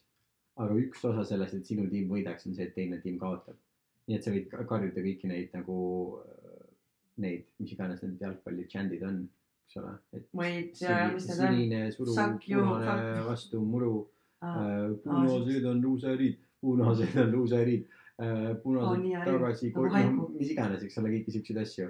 ja siis võib kõlada niimoodi, et nagu mis sul punaste vastu on ja siis on see, et kuule, tegelikult mul ei ole punaste vastu midagi, ma lihtsalt täiega tahan, et nagu sinised võidaks, sest ma olen siniste poolt lihtsalt. ahah, okei okay., no veits erineva kaalukategooriaga asjad, ma aga. mõistan, no sellepärast ma ütlesingi, et saatana avokaado. ehk siis asi, mida pole olemas. sa vist hakkad täitsa segi, segast peksma juba. no ma proovin lihtsalt leida nagu nende, nende inimestega, tasakaalu oma elus. kellega ma ei nõustu äh,, proovida anda neile nii-öelda nagu võimalikult palju äh,, kuidas siis öelda eesti keeles. noh, et nagu olla mõistetud. ma mõistan neid nii palju kui võimalik, et proovida, proovida nende poolest. sa annad neile võimaluse olla mõistetud. vot, täpselt, ma annan neile võimaluse olla mõistetud. Ilus poeetiline lause. kas äh, siis, kui sa osaled valimistel, kas siis sa ise saad ka valida? ja, kas sina oled valinud, kelle poolt sina valisid? no ma kas valisin ühe toreda tütarlapse poolt oo. kesklinna piirkonnas. kas äh,, aa, kas aa okei okay,, okei okay., mul on üks küsimus, mis on täiesti eraldiseisev minu eelmisest küsimusest. kas iseenda poolt on ka võimalik valida? kusjuures mm, huvitav, et sa küsid, ma pean natuke mõtlema. Minu arust saab ja, aa, okei, okei, selge, vist saab. okei.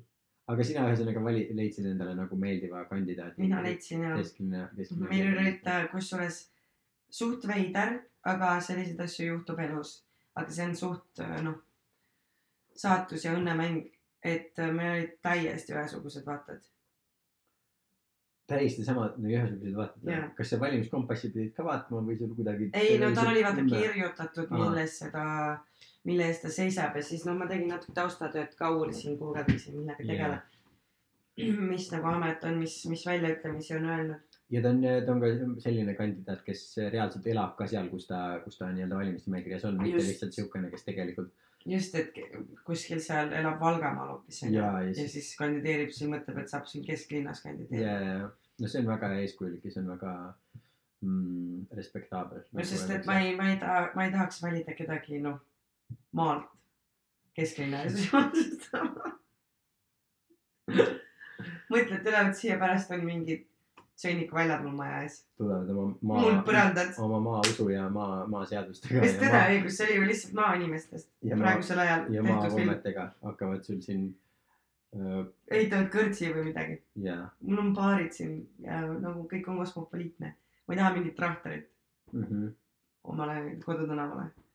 kas sa mäletad äh, see, kuidas me mõni äh, paar podcast'i tagasi sa küsisid mult äh, seda, et mis mina hääletamisest arvan või seda, kas mina lähen hääletama Jah. ja ma ütlesin, ma arvan, et ma ei lähe. ja aga, ma ütlesin seda, et ma nagu olen juba pikka aega olnud valmis selleks, et kui keegi suudaks mind veenda, et miks ma peaksin valima minema, et siis ma olen, ma olen nõus nii-öelda oma arvamust äh, muutma.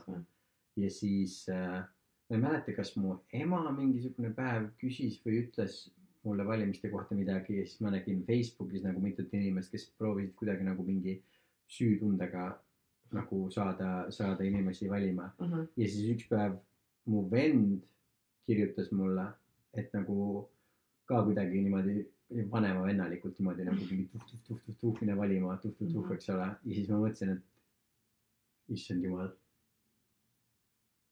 Tallinna esimene maavärin saja aasta jooksul ähm,.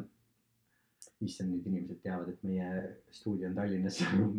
ja mitte Rapla kesklinnas. ja ma loodan, et meil siin järjekord ukse taha ei tule.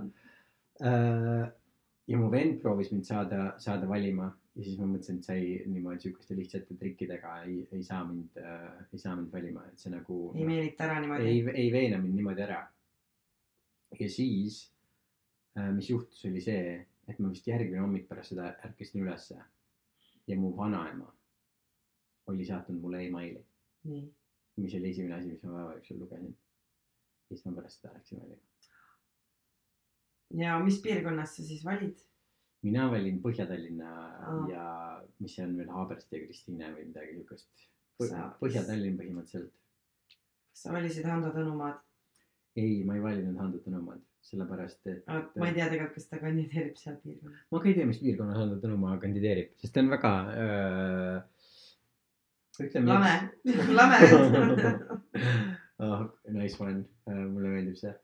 Ei, ma ei hääletanud Ando Tõnumaa poolt, ma jätan, ma jätan ütlemata, kelle poolt ma hääletasin, aga öö, nagu me võime jälle mõelda lihtsalt mingisuguse vale nime, ütleme Andrus Vaarik näiteks, aga, aga ma lihtsalt pigem jätaks, appi, sa oled sots. jätaks enda teada. minul oli see- reaalselt, ma lugesin, ma lugesin ma esimest korda, eks ole, valisin, ma lugesin kõik need nimed sealt läbi. mul ei olnud kedagi, kes ma nagu oh yeah tahaks, ma tean, kesklinna piirkonnas oli üks äh, naisterahvas, kelle poolt ma oleksin äh, hea meelega valinud.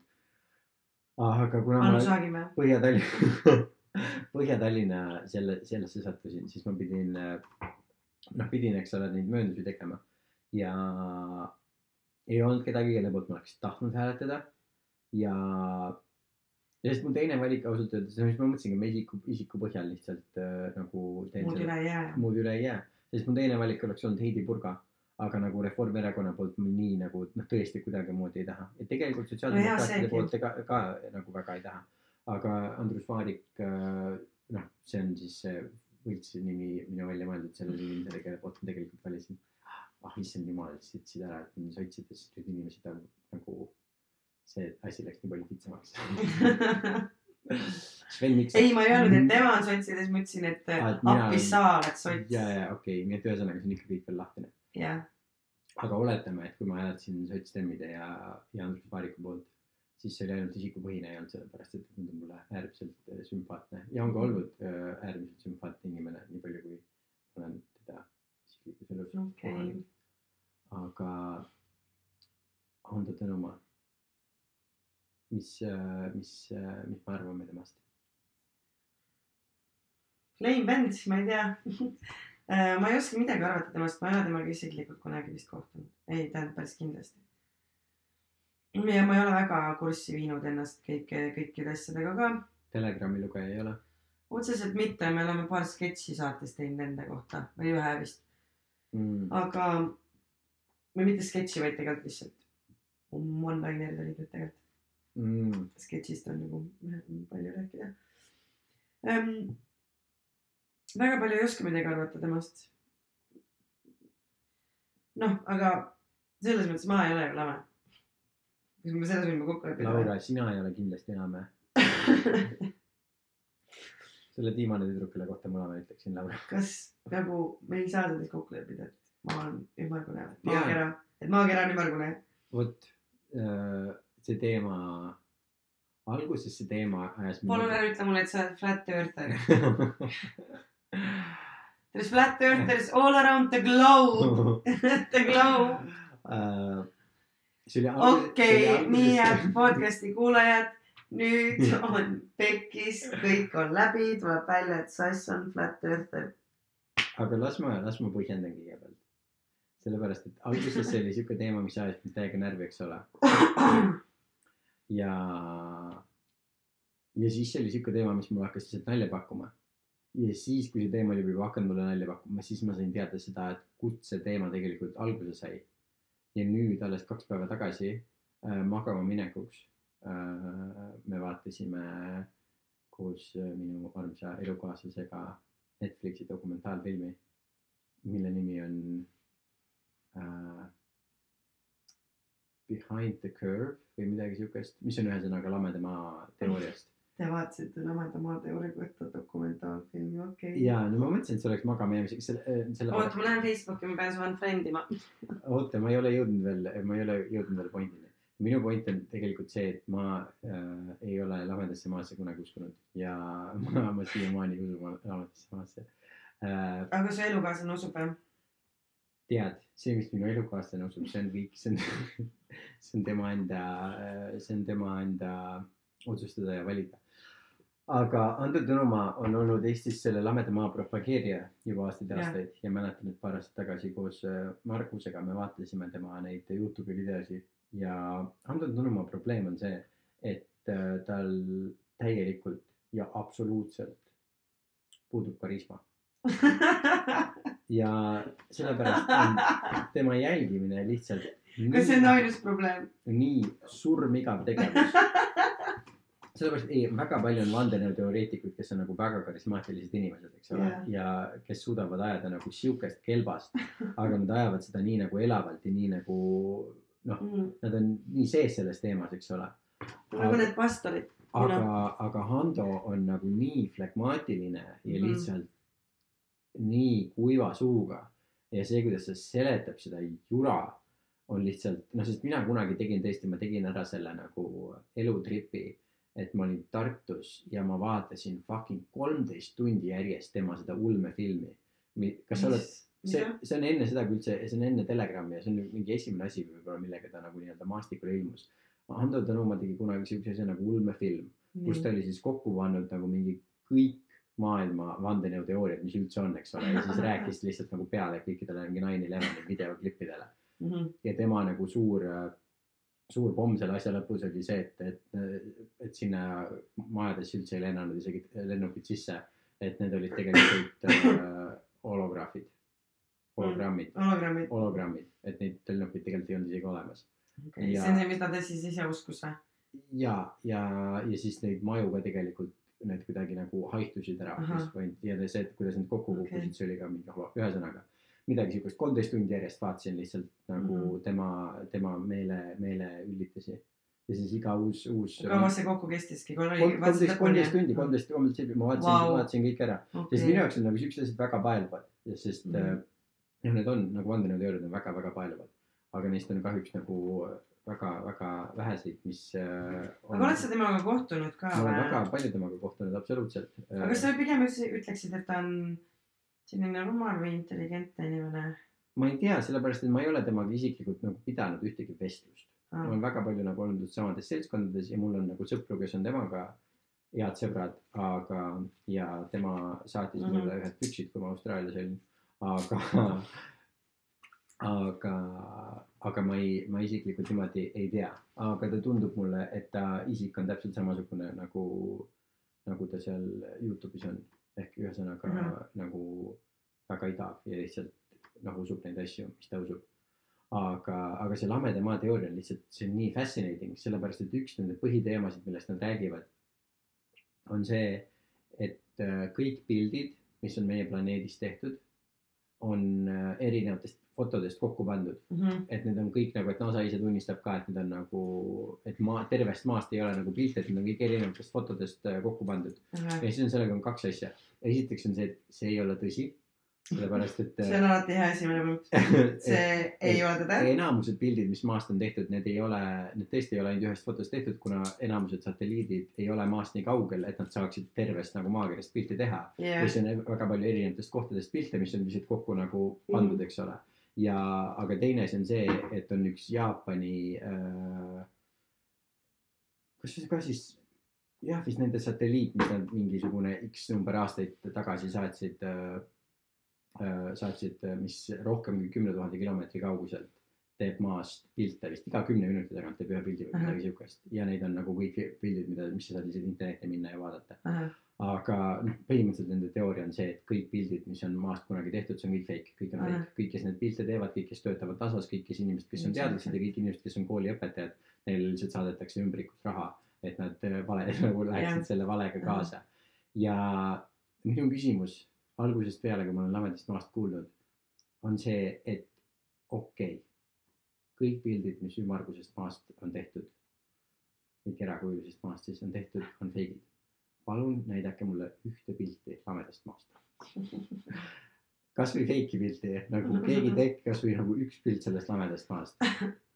ja, aga nagu uh -uh, seda ei ole olemas.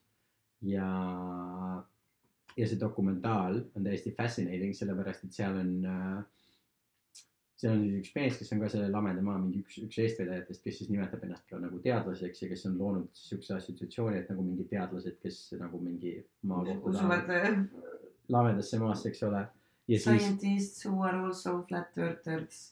ja, ja siis, ja siis nad seal, ta seal räägib sellest, et kuidas, kui maa, eks ole, kahekümne nelja tunniga on ööpäev, kahekümne nelja tunniga maa teeb iseendal ringi peale, siis kui sa võtad güroskoobi, eks ole, mis on see asi, mis, mis mõõdab siis, mõõdab liikumist, eks ole, sa võtad lasergüroskoobi, mis on nii-öelda siis see kõige täpsem güroskoop, mis siiamaani tehtud on ja siis äh, siis see peaks nagu iga tunni aja tagant viisteist kraadi liikuma, eks ole, et Mhm. kahekümne nelja tunniga saaks kolmsada kuuskümmend kraadi peale. ja siis ta räägib seal sellest, kuidas see kõige täpsem, täpsem masin, eks ole, see lasergüroskoop maksab mingisugune kakskümmend tuhat dollarit, eks ole. ja siis mingisugune tüüp, kes lamedat maad toetab, eks ole, siis ostis sellele nagu mm. -hmm. nendele selle asja. nii, ja siis nad mõtlesid, ahoo, nüüd me saame tõestada, eks ole, seda, et maa, eks ole, tegelikult ei keerle, sest see on Mhm. tegelikult lame ja see on kõik Jah. mis iganes, eks ole. ja siis nad panid selle tööle ja siis iga tunniga see keerles äh, viisteist kraadi Mhm. ja siis ta ütles selle peale, et me ei olnud nõus seda uskuma. nii et meie järgmine teooria oli see, et võib-olla hoopis taevas keerleb viisteist kraadi sekundis ja maa on ikkagi paigal. ja siis nad leiutasid mingisuguse kapsli, kuhu see sisse panna mm. -hmm. et nagu see ei saaks, nagu see ei saaks aru sellest, et see maa peal on. ja siis nad tahtsid sellega nagu tõestada seda, et hoopis taevas keerleb ja siis nad ütlesid, aa, see eksperiment meil ka ei tulnud välja ja siis nad ütlesid, et nende järgmine teooria on see, et kosmos keerleb viisteist, viisteist kraadi, viisteist kraadi tunnis.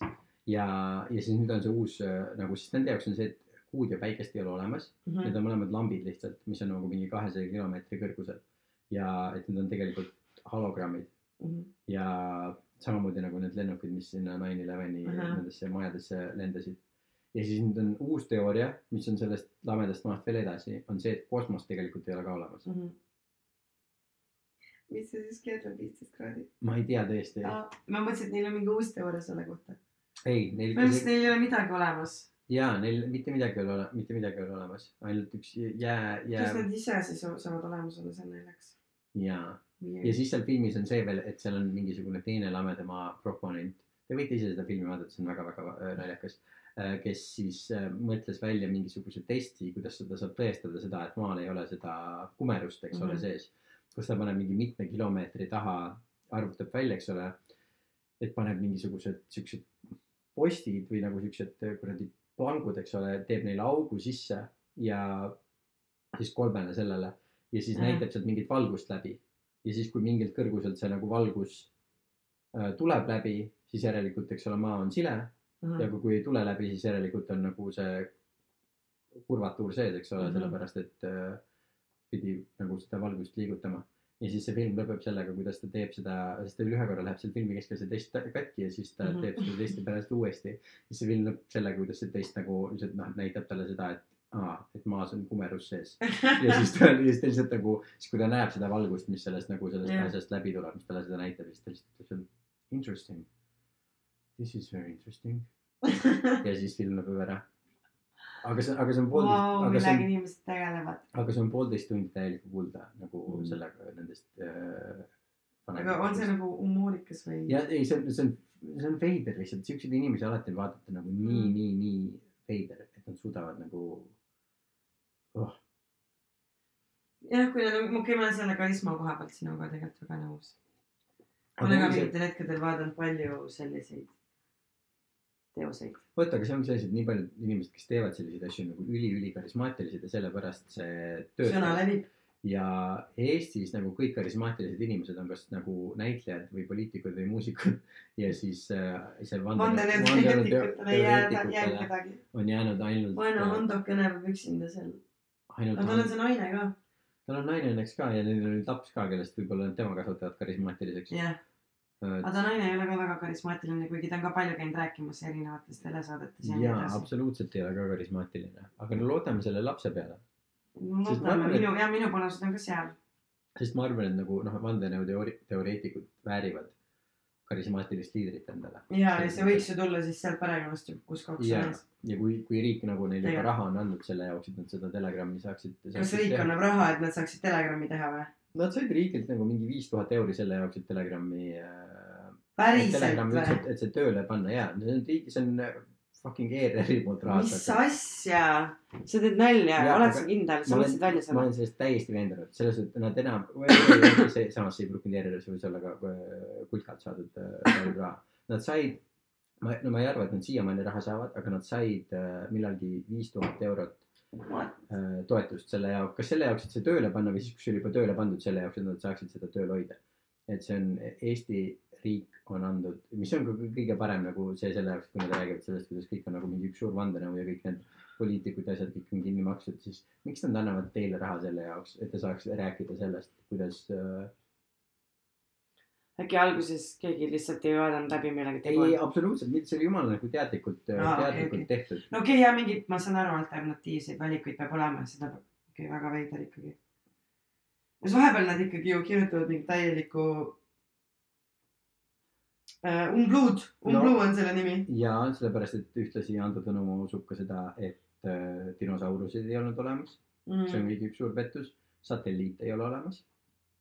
Mida ta arvab, et on olemas? ma olen siiamaani kuulnud ainult, et midagi pole olemas. ja ei olegi, mitte midagi ei olegi olemas. okei okay., aga on olemas need, ma nägin ükspäev pilti mm..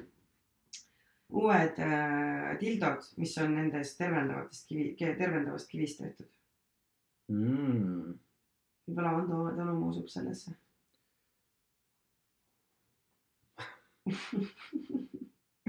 mul on nii hea meel, et sa Ando Tõnumaa ja tervendavatest kividest tehtud tildod omavahel suutsid ära seostada.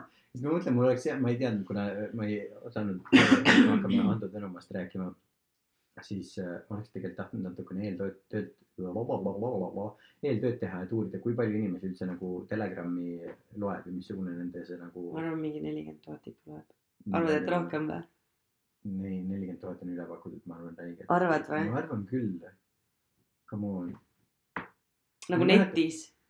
jaa, samas ma ei tea, sest tavaajakirjade nagu siis, kui ajakirjad ei olnud veel välja surnud, siis nendega nagu tiraažid olid nagu mingi Postimehel oli nagu mingi sada tuhat. no jaa, aga ma ei usu, et nagu Telegram on pool sellest, aga samas, kes teab. võib-olla küll ja see Postimees ilmub iga päev, see on teine asi ka. ka tõsi. ühesõnaga, mul pole õrna aimugi, aga see on väga, noh, tegelikult mul on hea meel, et Eestis nüüd ka see oma nagu haru olemas on. sest nagu noh, millalgi. hullude haru või? no see vandenõuteoreetika ja kõik see Mm, teoreetika, teo-. vandenõuteoreetika. ei no miks mitte, purks ja bemm ju on juba ka sõnad. kas Bemm on ka sõna või issand jumal. aga, aga jah, et äh, tubli, lasku, pangu, pangu edasi. Aga mis sa arvad, kas sa arvad, kui, kui palju tema poolt äh, Hääletatakse või? jah, ma arvan, mingi kolmsada inimest ikka hääletab. kolmsada. kas sa, kas sa lugesid ka või kuulasid või vaatasid neid intervjuusid temaga? temaga ei ole vaadanud neid-, üldse ei ole vaadanud. sest ma olin, läksin trenni just või tulin trennist ja siis Janis just ka tuli, tuli või läks ja siis Janis rääkis mulle kõikidest Ando Tõnumaa valimislubadustest. ja ta lub- ütle- ta ütles, et tema, ta lubas Riigikogus äh,, Riigikogu liikmeid, kes magama jäävad Rakulkaga lasta ja siis ta tahtis kuule saata, panna kakssada veebikaamerat, et siia siis müüa reklaami. Sinna, et inimesed saaks vaadata kuu otsepilti ja siis sinna müüakse reklaami, aga siis oli, jäi arusaamatuks, et kes sellest raha saab.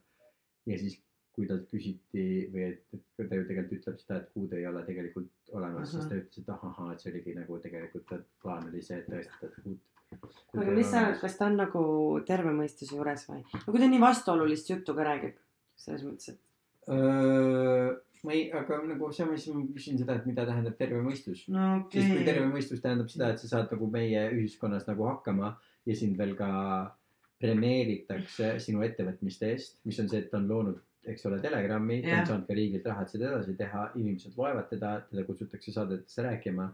see on see, et nagu meie ühiskonna mõistest on tegelikult nagu noh, mingis mõistes ta võib teda pidada nagu mingi eesmärgid on saavutanud. edukaks, kas edukaks inimeseks või siis inimeseks, keda vähemalt ühiskond premeerib tema nagu tegude eest. Mhm. et selles mõistes võib öelda, et ta on edukas, ta saab selles suhtes, ta saab, eks ole, toidu lauale ja ta saab teha kõike, mis ta tahab teha ja nagu.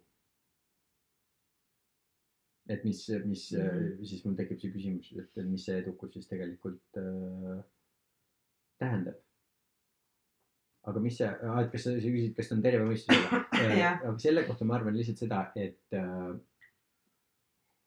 et nagu ta ise ka on väga palju propageerinud oma Facebooki lehel ja võib-olla ka, võib-olla ka muudes kohtades äh, pidevalt äh, nagu äh, psühhedeelsete ainete tarvitamist ja, ja kõike seda, siis ma arvan, et kui sa kombineerid sellised asjad nagu vandenõuteooriad ja psühhedeelsed ained, siis on väga-väga-väga lihtne minna seda rada, kus äh, kõik asjad tunduvad sulle vandenõuteooriatena Jah.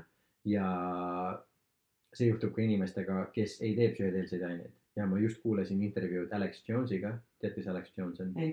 Alex Jones on see Ameerika see põhi vandenõuteoreetik, kes on viimased nagu mingi kakskümmend viis aastat, tal on oma uudist, Infowars on tema see öö, saade, mis ta, mis ta, mis ta on Mhm. nagu teinud ja ta on see tüüp, kes just paar kuud tagasi Youtube nagu reaalselt, põhimõtteliselt nagu vist esimene inimene, kes täielikult tsensureeriti ära. Youtube'ist Okei. Twitterist ta ei saa enam nagu, ta lihtsalt kustutati internetist ära, et põhimõtteliselt öelda, et nagu mingi seda inimest ei ole enam olemas.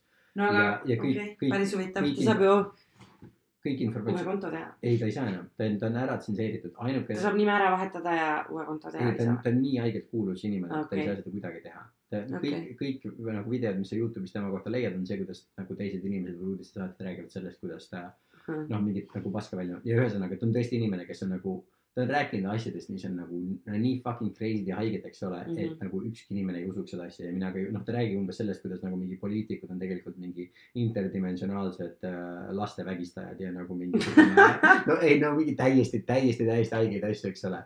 ja aga ühesõnaga ma kuulasin, ma kuulasin temaga intervjuud ja ta seal rääkis sellest, eks ole, et kuna ta interdimensionaalsed laste ja et nad ei ole wow., nad ei ole nagu meie, mitte lihtsalt nad ei ole teiselt planeedilt, mitte teisest päikesesüsteemist, Nad on teisest dimensioonist. Nad on tulnud siia lapsi vägistama. ühesõnaga, haiged, haiged, haiged asjad, aga ühesõnaga.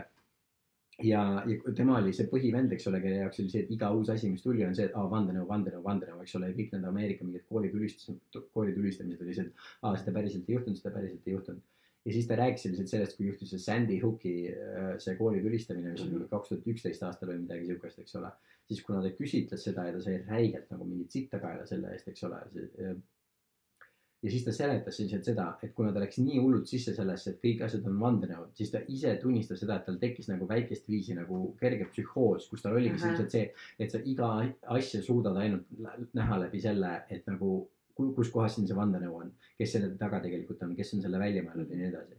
ja, ja nagu inimestel on see fantastiline võime, kui sa nagu seda teed hakkad minema ja siis nagu lihtsalt sellesse kinni jääda ja hakata seda igalt poolt otsima ja ma usun, et Ando. Lähed hulluks põhimõtteliselt. nojah, ma ei, ma ei isegi ei tea, kas see hulluks. okei, okei, ma saan aru, tegelikult ma utreerin. ja, sest mu, nagu minu arust väga-väga sarnast asja teevad ka nagu skeptikud. jah, kõik kõik muud inimesed, sa oled mingi, kasvõi oma, noh, oled sa bioloog, sa mõtled ju kogu maailma peale oma sellest spektrist ja oma vaatenurgast. just ja ka mõned nendest asjadest on vaata nii ekstreemsed ja nii Jah. nagu tavamaailmale nagu no ongi, sest kui oleks meiega, oleksin mingisugune bioloog, kes igat asja vaataks mingi mm,, see on täpselt see nagu rakud, eks ole, või poliitikas on täpselt see nagu ühed rakud söövad tei-, noh, mingeid suvalisi Jaa. asju, eks ole. ja meil oleks lihtsalt mingi mm,, see on nii huvitav Mhm. perspektiiv, eks ole. aga siis, kui sul on mingi vandenõuteoreetik, siis on lihtsalt see, et nagu mingi täitsa perses, mida Jah. sa räägid, eks ole, see on lihtsalt nagu mingi nii teine asi. ja siis on inimesed, kes on skeptikud sest kunagi ma olin sellest, ma olin kõigepealt nagu vandenõuteooriatest väga sisse võetud ja siis ma olin skeptikutest väga nagu sisse võetud, eks ole. Mhm. ja, ja nende maailm on kõik see, et ükskõik, mis nagu imelist maailmas juhtub, siis on see, et jaa, seal ei ole mitte midagi imelist, see on lihtsalt see ja see ja see debunked, debunked, kõik asjad on kogu aeg Mhm. nagu "Ahah, debunked, eks ole. ja neil ei ole isegi seda, et kui midagi juhtub, nad mõtleks, et nagu mingi hmm,, mis on kõik võimalused, mis siin said olla, vaid ainuke asi, mis nad saavad mõelda, on see, et hmm, kuidas ma ära debunk in selle. Mhm. Need, need on nagu kaks seda äärmust, aga meie ühiskonnas on jälle see, et need inimesed, kes on nii-öelda nagu skeptikud, neid me vaatame hästi palju nagu positiivsema pilguga ja Mhm. samamoodi ma näen, sest ma ka Facebookis follow n ühte seda öö, nagu skeptikute öö, nagu lehekülge ja nad nii tihti ütlevad asju lihtsalt, mis on nagu nii lollid ja nii absurdsed mm. -hmm. sellepärast et neil tege- nagu ongi see on ainuke filter, mille läbi nad maailma näevad Mhm. ja ongi see, kus, kus nad suudavad nagu propageerida mingeid kõige idiootsemaid nagu ravimeid või nad suudavad propageerida mingisugust nagu noh, mingit teadmist, mis on ammu tõestatud, et on bullshit lihtsalt sellepärast, et see on see mainstream nagu view praegult asjadele Mhm. ja nende kogu see pilt on lihtsalt see, et kõik, mis on nagu mainstream äh, view asjadele, ongi see, kuidas asjad on ja kõik, mis on natukene alternatiivne, kõik, mis on teistsugune, see kõik on, kõik on bullshit ja see kõik on pseudoteadus ja see kõik on nagu mingisugune Mhm. vandenõuteooria. ja minu arust see on nagu täpselt sama ebatervislik kui, kui see, et näha kõiki asju vandenõuteooriatena. nojah, mis sa arvad, mitu häält Hando Tõnumaa saab? oh, tead, ma ei tea, oleneb, kui ära ta on suutnud veenda kõik need äh, hipiinimesed, kellega ta äh, koos äh, nagu hängib ja oma DJ-d. no tee, mine, mis ma pakkusin, kolmsada. sa pakkusid kolmsada, okei okay,, ma pakun, tead, ma pakun ma rohkem. pakun kolmsada kakskümmend seitse. ma pakun, kirja peale, mis Ma- saame, me saame pärast äh, võrrelda. ma lähen täiesti nagu crazy'ks, crazy'ks ära, ma ütlen äh, üheksasada üksteist häält. üheksasada üksteist. aga äkki teemegi siia väikse ennustusmängu siia podcast'i lõppu. mis sa arvad, mitu häält saab Anu Saagim? oo, I like this one. oo, Anu Saagim saab jumala palju Mhm. hääli, Anu Saagim kaks tuhat nelisada häält. Kaks tuhat nelisada. ma pakun, pakun kolm tuhat kakssada viiskümmend üks. nii, mis sa arvad, mitu häält saab ähm, Allan Õnne kolmeteistkümnest? aa, kas see on äh, see, ära ütle ta nime, minu lemmik Eesti näitleja. Raivo ja Tamm on see või? Ehk Raivo Tamm. jah, ehk Raivo Tamm. ma ei tea, ma arvan, et ma arvan, et ta saab ka ikka korraliku portsu, ma arvan, ta saab, tead, ta vist on Isamaa ta on Isamaa ja. uh, raisk. panen, ta on ikka vist äkki kuulsam kui Anu või? ma ütlen ka, et ma ütlen viis tuhat häält. kuigi viis tuhat häält on väga-väga palju, aga mingi eelmistel valimistel just sai keegi nagu mingi suvatüübid said nagu mingi retsilt palju hääli. ma ütlen neli tuhat ükssada kaksteist. Okei okay,, no see on üsna lähedal. jah, ja siis mitu häält sa arvad, et mina saan? ma ise pakkusin ja ma saan sada kolmkümmend seitse. okei okay,, mina pakun nelisada kakskümmend. nelisada kakskümmend pakud või? okei okay., ja äh,, kellegi poolt tahad veel hääletada kui palju hääli saab Baruta. aa, õigus, ma olen täitsa ära unustanud Baruta. nagu öeldakse, Barto, Barto. nii sa pakud oh.. Ma pakun äh, kaks tuhat kakssada, nii vä-, oota, aga ta on Keskerakond või? ta on Keskerakond jah. siis ma, ma arvan, et ta saab, ma pakun rohkem, ma pakun kuus tuhat nelisada seitseteist. ossa raisk. suured numbrid suured numbrid jah. suurele mehele. no aga väga fantastiline, selline oli äh, täna, mina ei taha veel magama jääda. Ma ei mäleta, et me ei tutvustanud isegi, mis podcast'iga tegu on alguses, me hakkasime kohe jaurama. et kuulajad juba, kui nad vajutavad nupu Aa, et see fänn teab tegelikult, mida ta kuulab. mida ta kuulama, kuulama hakkab. et kui sellised, kui see oli täiesti ootamatu viimased poolteist tundi, mis sa kuulasid, siis see oli Mina ei taha veel magama jääda. ja eetris olid äh, Laura-Liiseta Roosaar ja Aleksander Eeri Laupmaa ja järgmises podcast'is me siis kuuleme ennustustulemusi. ja, ja, väga tähtsad teemad olid meil täna. ja issand jumal, mis, kuidas siis tänapäeval öeldakse, doping veeni ja järgmise korrani. ja dopinguta leidsin enda võõrast linnast. ilusat õhtu jätku kõigile. tšau, tšau. tšau, tšau.